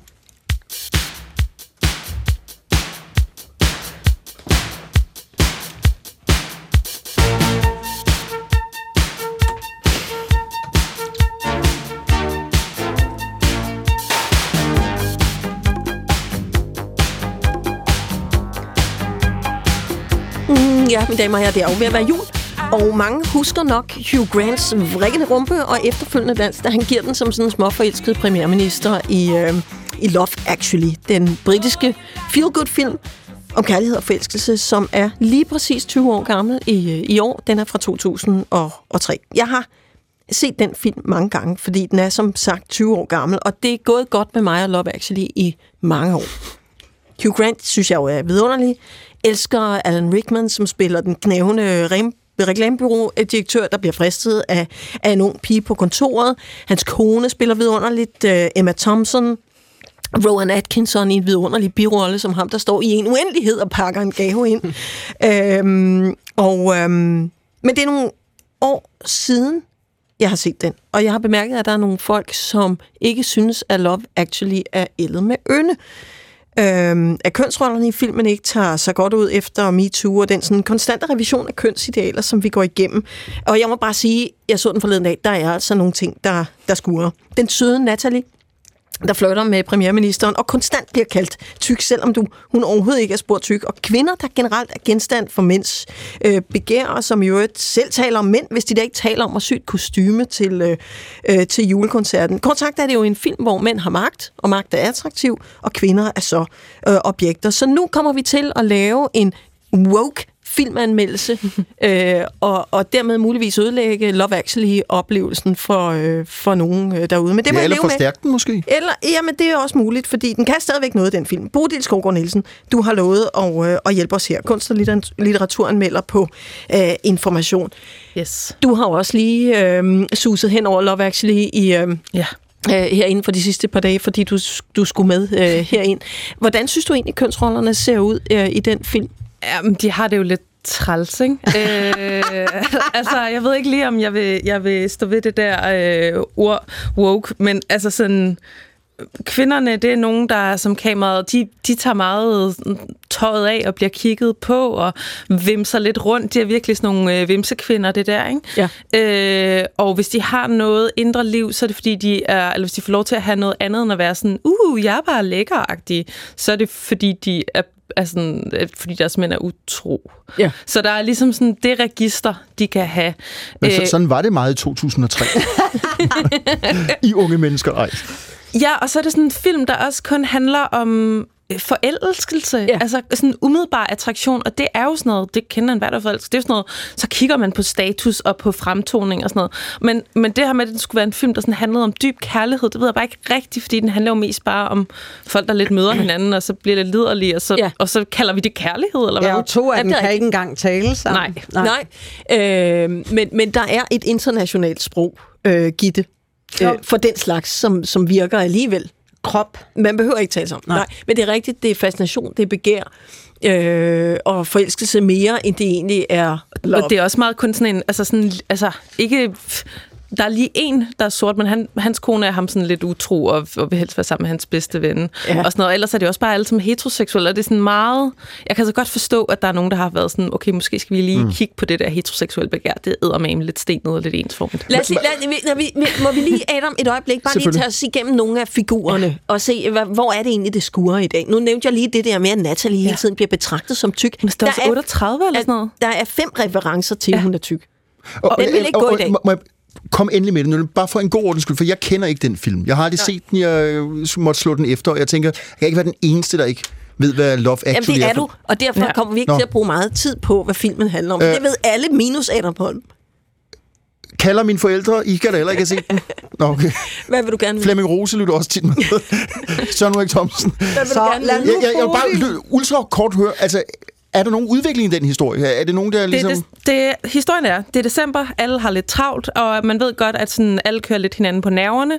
Det starter sådan noget, øh, lidt i en lufthavn, eller sådan en eller anden flymonitorstemme, der kører over, og så ser vi alle de her små skæbner, der sådan løst er flettet sammen. Og det er derfor, der også er så hundens mange karakterer. Det er også derfor, de bliver sådan lidt arketypeagtige, fordi der er sådan fem minutter til hver til, at vi lige skal afvikle deres personlighed og deres konflikt og deres et eller andet. Ikke? Ja. Og, og så er det sådan noget på kryds og tværs, de bliver viklet ind i hinanden. Den ene er nogens bror, er nogens søster, er nogen, og så videre. Ah. Øh, og så slutter det med, at de alle sammen kommer ud af det samme fly igen, øh, og, og så ender det lykkeligt. Det er sådan en, øh, alle mulige øh, måder, kærlighed kan se ud på godt og ondt i et moderne liv. Og så kan vi så sætte moderne i situationstegn, for det virker lidt gammeldags. Og inden for en heteronormativ virkelighed. Yes. Men det er en feel-good film, ikke? Altså, det er sådan Jo, jo, jo. En, en, det er jo sådan en kærlighedsfilm om forelskelse og, og, og så videre. Men Bodil, hvor er det så, det skuer i dag? Hvor ser det mærkeligt ud i dag? Bortset lige fra, fra hende, der Bortset fra det bliver hele. kaldt tyksak. Ja, og sådan, og, og sådan nedladende, ikke? Det er ikke, for, det er ikke sådan ob, objektivt konstaterende sådan, som et neutralt ord. Det er sådan hun skal mobbes med hele tiden, ikke? Jamen, øh, altså, der er jo mange ting. Der er for eksempel, øh, Keira Knightley spiller en meget, meget smuk øh, brud, der bliver gift med sin ægtemand, og så brudens, eller gommens ven filmer ligesom deres bryllup, og filmer sådan hele tiden hendes nakke, og, og sådan, øh, f- altså, filmer hende hele tiden, sådan, hvor man tænker, styr dig. Det er usundt. Ja, øh, og så øh, senere hen i filmen, så kommer han ligesom hen til, til der, hvor det her par nu så bor, og så har han sådan nogle skilte med, hvor han, øh, han deklarerer sin kærlighed. Og så kommer hun også ud og siger sådan noget, "Men vi har jo aldrig, jeg troede du ikke, du kunne lide mig, for de har aldrig snakket sammen. Mm. Alligevel står den her stalkeragtige type og sådan, øh, deklarerer sin kærlighed til hende.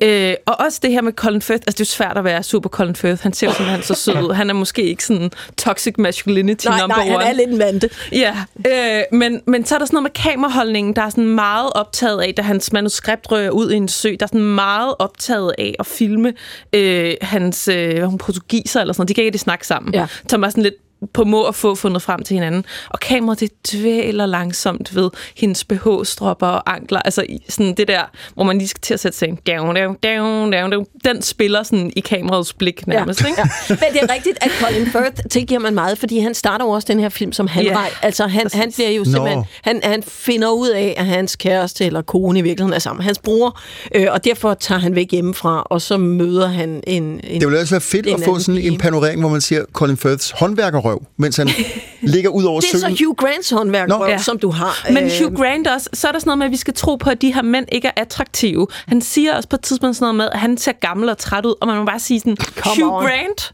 sin storhedstid. Ja, i 20 sin storhedstid. Sådan, ja. Ja, men, altså, så, men så bliver jeg nødt til at Som om mænd ting. kan kun være magt og ikke udseende, og som om det ikke også er en del af en seksuel dynamik. Ja, men så, så, så vil jeg så godt rejse et kritiske spørgsmål. Er magt stadigvæk attraktivt for kvinder? Altså, hvor langt er vi egentlig nået, Bodil? Fordi her har vi så i hvert fald premierministeren og reklamebyrådirektøren, som er dem, der ligesom er genstand for andres begær. Øh, men jo selvfølgelig også den anden vej rundt. Men, men, men jeg mener, er vi, er vi, har kvinder egentlig bevæget sig videre på de 20 år? Vil det ikke stadigvæk være attraktivt at få skoven under premierministeren eller øh, direktøren? Mm, jo, altså man, nu tør jeg ikke udtale mig på alle kvinders vegne, øhm, men jeg tænker, der er i alle eller i mange dynamikker og seksuelle relationer, så er magt der spændende, og noget, man er interesseret i. Men det går så også den modsatte vej. Det tror jeg ikke kun er en kønnet ting, eller sådan, at kun er kvinder interesseret i mænd med magt. Det er kvinder, der måske også... Det er, ja, det er jo sådan noget, der er spændende. Uligheder ja. og usikkerheder, og, og sådan noget, tænker jeg, der er mm. spændende. Og så den her film viser os så kun, at, at magtforhold kun kan se ud på en måde. Korrekt. Der er ingen kvinder i den film, der har magt. Men jeg sidder og tænker på, øh, når I fortæller det her, jeg har set den for mange år siden, og jo slet ikke med de her øjne. Så jeg sidder og tænker på, er det ikke sådan med al kunst, at man må se det i en tids kontekst? Mm. Altså ligesom vi læser Karen Bliksen i dag, som jo også er øh, på mange måder dybt forældet. Altså skal den cancel, øh, øh, cancels, eller skal vi bare se den som det, den var? Øh, jeg går ikke ind for at cancel noget som helst egentlig, øh, men man kan jo sige, det er jo ikke så lang tid siden. Altså jeg tænker, der er meget i, i vores tid lige nu, som handler om at... Sådan er det jo altid, man genopdager det, der var der for noget for 20 år siden. Ikke? Det er sådan en klassisk cyklus. Og lige nu, jeg tænker, der er vildt meget lige omkring årtusindskiftet. Der er den nye sæson af The Crown, der handler om Diana, der blev jagtet af paparazzi. Der har lige været Britney Spears bog, der også handler om, handler om hvordan hun bliver hyperseksualiseret som mm-hmm. altså sådan teenager.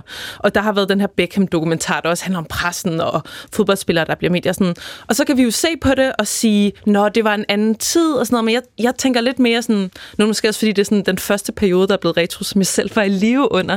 men jeg tænker også meget sådan, altså, så har vi fået et andet sprog installeret, et andet blik for os. Mm. Hvor meget vi har rykket på de strukturelle ting, er jeg ikke sikker på. Øh, hvor meget, altså det er jo stadigvæk ikke kvinder, der ligesom har taget, taget over i verden, selvom, vi, selvom MeToo virkelig har ændret noget i vores blik. Mm. Hvor meget har vi så ændret realpolitisk? Er seksualitet og magt nemlig ikke sådan stadigvæk altså helt vildt netop magtfuldt? Ja. Øh, og er det ikke virkelig meget en valuta nu, der så flere, der kan bruge den? Gør det den mindre sådan giftig? Mm. Øh, altså har vi ændret grundlæggende har vi ændret noget med kønnene på magtforholdene, men har vi grundlæggende ændret nogle magtstrukturer? Det er jeg ikke sikker på. Altså, jeg synes, at der er sket noget med denne her film på de fem år, der er gået hen over MeToo. Ja. Altså, det er der, at den virkelig for mig har, har rykket sig. Ja, og vi har fået sådan et sprog for, at altså, kærlighed kan være andet end, end heteroseksuelt. Og, øh, og sådan, altså... I dag vil man jo aldrig lave en film, øh, hvor det kun var heteroseksuelle forhold. Nej, nej, hvis der men jeg, var men sådan jeg, et øh, gal- galleri. Vel? Nej, men jeg synes ikke, det er den her films største problem. Det synes jeg egentlig er magtforholdet mellem jeg mænd tror, og kvinder. den skal genindspilles under Love... Øh, ja, hvad kunne man kalde Love den? 2024? Love, Love Actually Now? Øh, ja. ja, noget, noget af den stil. Altså, fordi det, det lyder som om, at den trænger til en opdatering, hvis øh, andre skal give se den. Måske Lo- Love Relatively, måske. Eller også Nej. skal man bare se den. Jeg kunne godt tænke mig, at du så den, Adam, og kom med din mening. Men altså, jeg vil godt sige til alle jer derude, jeg synes stadigvæk, den var værd at se. Vi sad hele familien og så den film. Hvad med dig, Bodil? Det er jo ikke rigtig din generationsfilm. Nej, jeg synes, jeg kan huske, at jeg så den så meget lille, og var sådan, det er mærkeligt, de kan jo ikke rigtig lide hinanden, mange af de her. Og det var måske en meget rigtig læsning dengang, det vil jeg gerne give mit øh, børnejeg. Det, det er i hvert fald meget kompliceret. Bodil Skovgaard Nielsen, tak fordi du ville være med os. Og som øvrigt også inspireret til vores første snak. Gud, ja, ja, det har vi glemt at sige. Ja, Ja. ja. Vi trak Tak også på Om, din, om øhm, krigsbilleder. din Det øh, må artikel jeg. om Ja, krigsbilleder. men, øh, Tak, Bodil, og god weekend. tusind tak.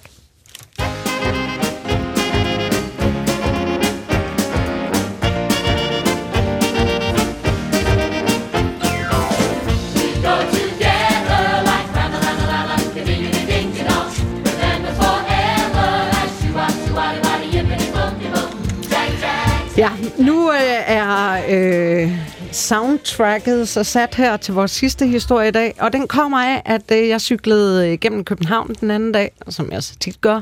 Men pludselig så slog det mig, at byen er overplastret med reklamer for musicals. Og så gik jeg hjem for at se, hvor mange der egentlig er på scenerne rundt omkring i Danmark i år. Og det er ret overvældende. Altså ud over de klassiske Saturday Night Fever, Moulin Rouge, Den eneste ene og Grease, så har vi fået Matador The Musical, Dronning Margrethe The Musical, Vi maler byen rød The Musical.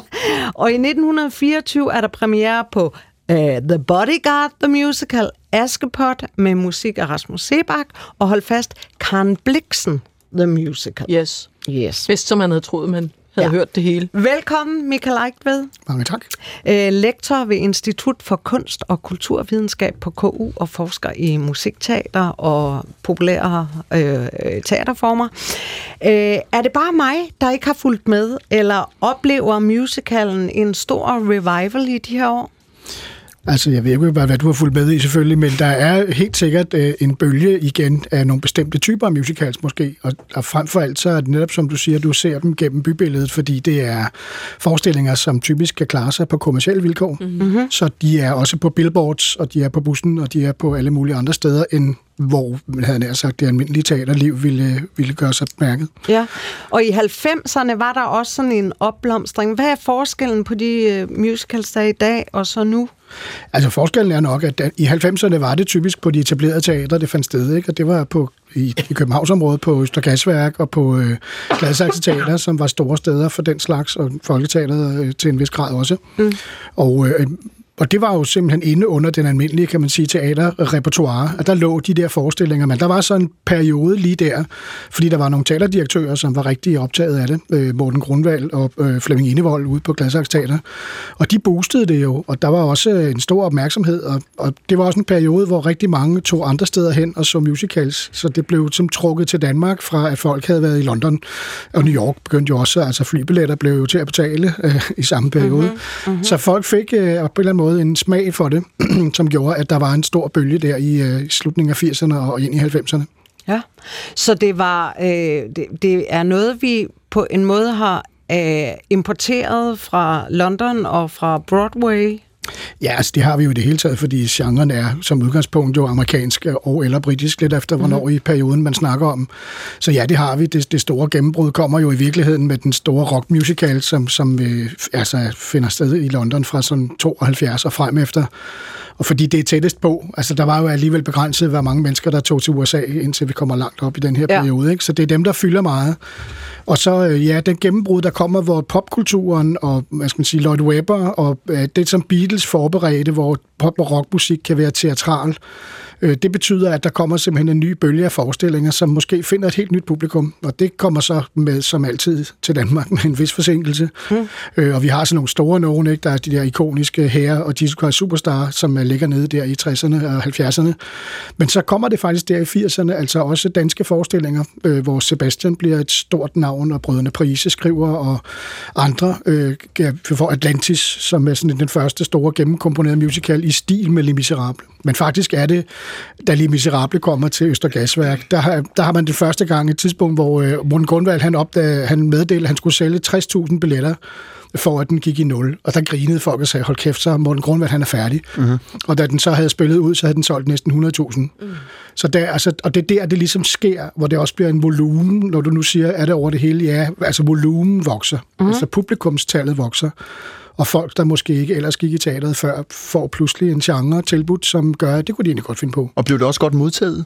Ja, det gjorde det. Altså, og det var også, øh, altså, fordi det var øh, øh folk, der gerne ville det. Morten Grundvald var selv stor stort begejstret, øh, var begejstret for, øh, for det, og havde, øh, da han havde jo Allé-scenen, der i dag hedder Bertinensen Teateret, hvor han opførte masser af Steven Sondheim musicals, som nu talte I før om Bernstein.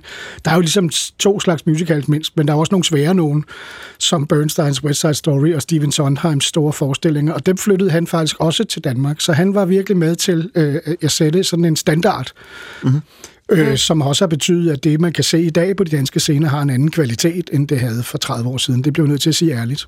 Og nu er jeg jo glad for, at du lige nævnte øh, Le Miserable, fordi ja. øh, med på en linje har vi nemlig Danmarks øh, største musicalstjerne, øh, der blandt andet har spillet Jean Valjean i Le Miserable. Hold fast, 1530 gange i 10 forskellige lande. Er du med os, Stig Rossen? Ja, det håber jeg. Jeg sidder på bagscenen i værket i Randers med et lidt rungende lyd, men øh, jeg kan høre alt, hvad I siger. Ja, og jeg kan også høre, at der er lidt øh, øh, hvad hedder det, forsinkelse på linjen, så jeg stiller bare et par enkelte ja. spørgsmål til dig. Øh, du er jo øh, uddannet skuespiller. Øh, var det dig, der valgte musicalen, eller musicalen, der valgte dig? Ja, det er svært at sige, hvad der kommer først. Altså, jeg tror faktisk, at jeg må sige, at det var øh, musicalen, der valgte mig. Jeg så netop Les Miserables på Palace Theatre øh, i har det været i 86, øh, lige efter den var flyttet ind til øh, West End fra Barbican Teateret. Der så jeg den øh, med det originale cast og blev fuldstændig bjergtaget. Øh, jeg tænkte, det her, det, det, det må og skal jeg opleve.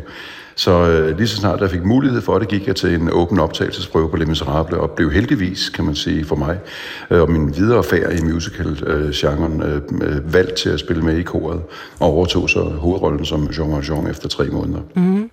Altså, det var så som øh, publikum, du blev bjergtaget. Kan du ikke lige fortælle mig, hvad præcis det er, der er fedt ved at stå midt i en musical og være hoved, hvad hedder sådan noget, rolle eller partiet? Jamen det er, øh, der er, øh, jeg kan sige, at man har hele den glæde, der er ved at spille en god historie. Øh, og Les Miserables og den type musicals, de store episke fortællinger, øh, nu nævner jeg bare Les Miserables, Miss Saigon, øh, The Phantom of the Opera, altså de her store episke fortællinger, det er jo kendetegnet ved, at man først og fremmest øh, er med til at fortælle en rigtig god historie, et godt øh, drama, øh, øh at der så er det ekstra lag, at det også er øh, sunget og sat til musik, gør bare, at man øh, har en streng mere at spille på. Mm. Øh, og det, det er i virkeligheden det, der, der er så fascinerende ved musicalen, at du får alt det med, øh, som du gør i det almindelige, traditionelle øh, drama, øh, men du får også det ekstra lag, øh, musikken, som kan åbne for nogle, nogle følelser. Øh, og det er bare fascinerende, at man øh, har begge de strenge at spille på. Jeg synes, øh, det, jeg plejer at sige, at en god musical skal kunne mærkes i mellemgulvet. ja. Og det kan man med de gode musicals. Øh, sidste spørgsmål til dig, Stig. Øh, du har proklameret, at du skal nemlig være med i øh, Askepot i 2024, og du har simpelthen øh, været ude og sige, at det bliver din sidste musical. Hvorfor det?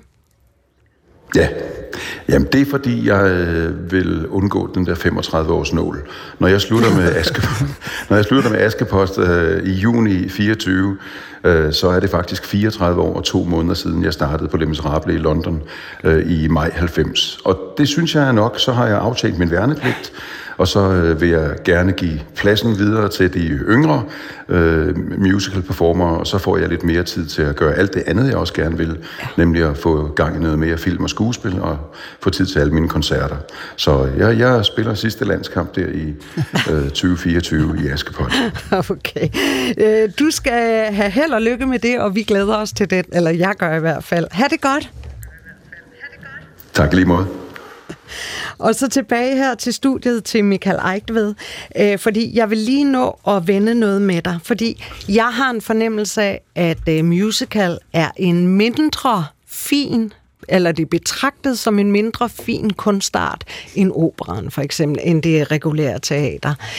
Øh, hvis det er rigtigt, hvorfor er det så sådan? Altså jeg vil sige, jeg tror faktisk, det er under opblødning, øh, at, at de der grænser bliver sværere og sværere at fastholde, fordi publikum går til så mange forskellige ting. Øhm, at, at, der, er- at det kan faktisk godt være det samme publikum, der sidder til en musical eller til en opera. Mhm. Mm-hmm. Så det bliver sværere at fastholde den slags. Det vil jeg sige, det er som det første. Ikke? Men som det andet vil jeg sige, ja, der er en tradition for, at det er letbenet. Da jeg startede med at skrive om de her ting på universitetet, så fandt min, min udmærkede mentor Martin Serlang, du skal bare tænke på, at man kan ikke skrive noget svært om det lette. Og det var sådan ligesom udgangspunktet, så at der er jo ikke noget i det. Så det, altså, det har ikke nogen kvalitet. Og det tror jeg virkelig er forkert, vil jeg sige. Så det havde heller ikke nogen forskningsmæssig kvalitet? Nej, det var det, der var pointen. Ikke? Altså, man kan ikke rigtig skrive, hvis objektet ikke giver noget fra sig, så, og det gør det jo ikke, for der er jo ikke noget musical. Det var sådan ligesom den, det var ikke hans holdning, men det var ligesom det, han, han sagde, det er den holdning, der er derude. Øhm, jeg tænker, Michael, kan musicals, og altså, jeg har jo ikke noget øh, sådan katalog at referere til, så derfor det her åbne spørgsmål. Kan musicals være sådan åbenlyst politiske, altså der er operaer for eksempel, som rummer øh, kritik af, af, af magtforhold og øh, også refererer til nogle vigtige politiske begivenheder i sin tid. Øh, gør musicals også det sådan øh, over en hat? Eller over en kamp, ikke over det, en kamp, det kan man ikke påstå, men man kan sagtens påstå, at der er politiske dele, af- eller der er politiske temaer, der går ind. Ikke? Øh, Evita kunne det jo være et Nå ja. eksempel. Ikke? Ja. Jesus Christ Superstar er jo i virkeligheden religionspolitisk, alt efter hvordan man nu lægger snittet. Der kommer en forestilling næste år, som hedder Urinetown, som i virkeligheden er sådan en art øh, brecht pastis, som handler om, at kapitalisterne har overtaget vandforsyningen, så man må kun tisse, når øh, de bestemmer, at man får lov for vand. Så det er sådan en blanding af altså, Brechtske øh, morskab, og så, men det er altså en musical, så der, ja, det findes. Men det er jo meget, altså musicals er jo grundlæggende en romantisk genre, og det skal man jo være ind, og det er måske, når du spørger, nu prøver jeg at vende tilbage til dit spørgsmål om det finkulturelle, så er et af problemerne jo, at der er sådan en romantisk strøm i musicalen, som altid har haft det svært med det modernistiske mm. øh, kunstbegreb, ikke? Mm. Fordi der er jo ikke nogen lykke i modernismen, der ender vi jo med at dø, og det er kun et spørgsmål om hvordan. Øh, og, i, og i musicalen kan man faktisk godt leve lykkeligt, i hvert fald i den ældre generations musical i et stykke Vi, tid. vi modernister er lidt miserable. Ja, det er nok snart Men, men altså, øh, man kan måske også forestille sig noget overlap ind til noget finkultur, hvi- hvis, hvis vi overhovedet bruger den grænsedragning. Hvis der kommer en, en øh, musical om en Karen Bliksen, så kan det jo godt være, at der var nogen, der gik hjem og fik Ja. en forstærket appetit på at læse hende. Altså, nu havde I også fat i Bernstein tidligere. Der har Præcis. jo været masser af sådan nogle crossover-fænomener, hvor altså, det er rigtig, rigtig svært at spille West Side Story. Det står i syv fjerdedele, og det er virkelig ikke noget, man bare lige gør. Så der er, og det, og det er måske også det, der lidt ligger i det, at det er faktisk rigtig svært at synge de der musical-ting. Altså, der er masser af klassisk uddannede sanger, som slår syv kors for sig og siger nej tak, for det slider dem op. Okay. Ligesom de heller ikke vil synge operater i øvrigt. Mm-hmm. Så der er sådan et andet, det, det, det er jo nogle traditioner for, hvad vi synes er rigtigt og forkert og svært og ikke svært, der som er ved at blive udfordret. Når det er sagt, så findes der jo også rigtig mange dårlige musicals, så der er jo også god grund til indimellem at være kritisk. Øh, du har et sekund. Hvad er verdens bedste musical? Altså, jeg synes faktisk, det er Evita. Okay. Tak, fordi du kom. det var meget, det var meget, meget Jamen, vi har ikke mere tid. Nej, det har du ret i. Eigtved, tak fordi du var med os her. Øh, lektor ved øh, Institut for Kunst og Kulturvidenskab. Tak fordi du kom. Velkommen. På Københavns Universitet. Nå, ja. Tak også til Gitte Lykkegaard og Nynne Bjerg Christensen, og selvfølgelig ikke mindst til den redaktion, der altid er en del af, at vi kommer ud, nemlig Linnea Albinus Lande, Nana Slot og Josefine Gejer Utoft. Vi er retur næste fredag og ønsker alle en god weekend. Gå på opdagelse i alle DR's podcast og radioprogrammer. I appen DR Lyd.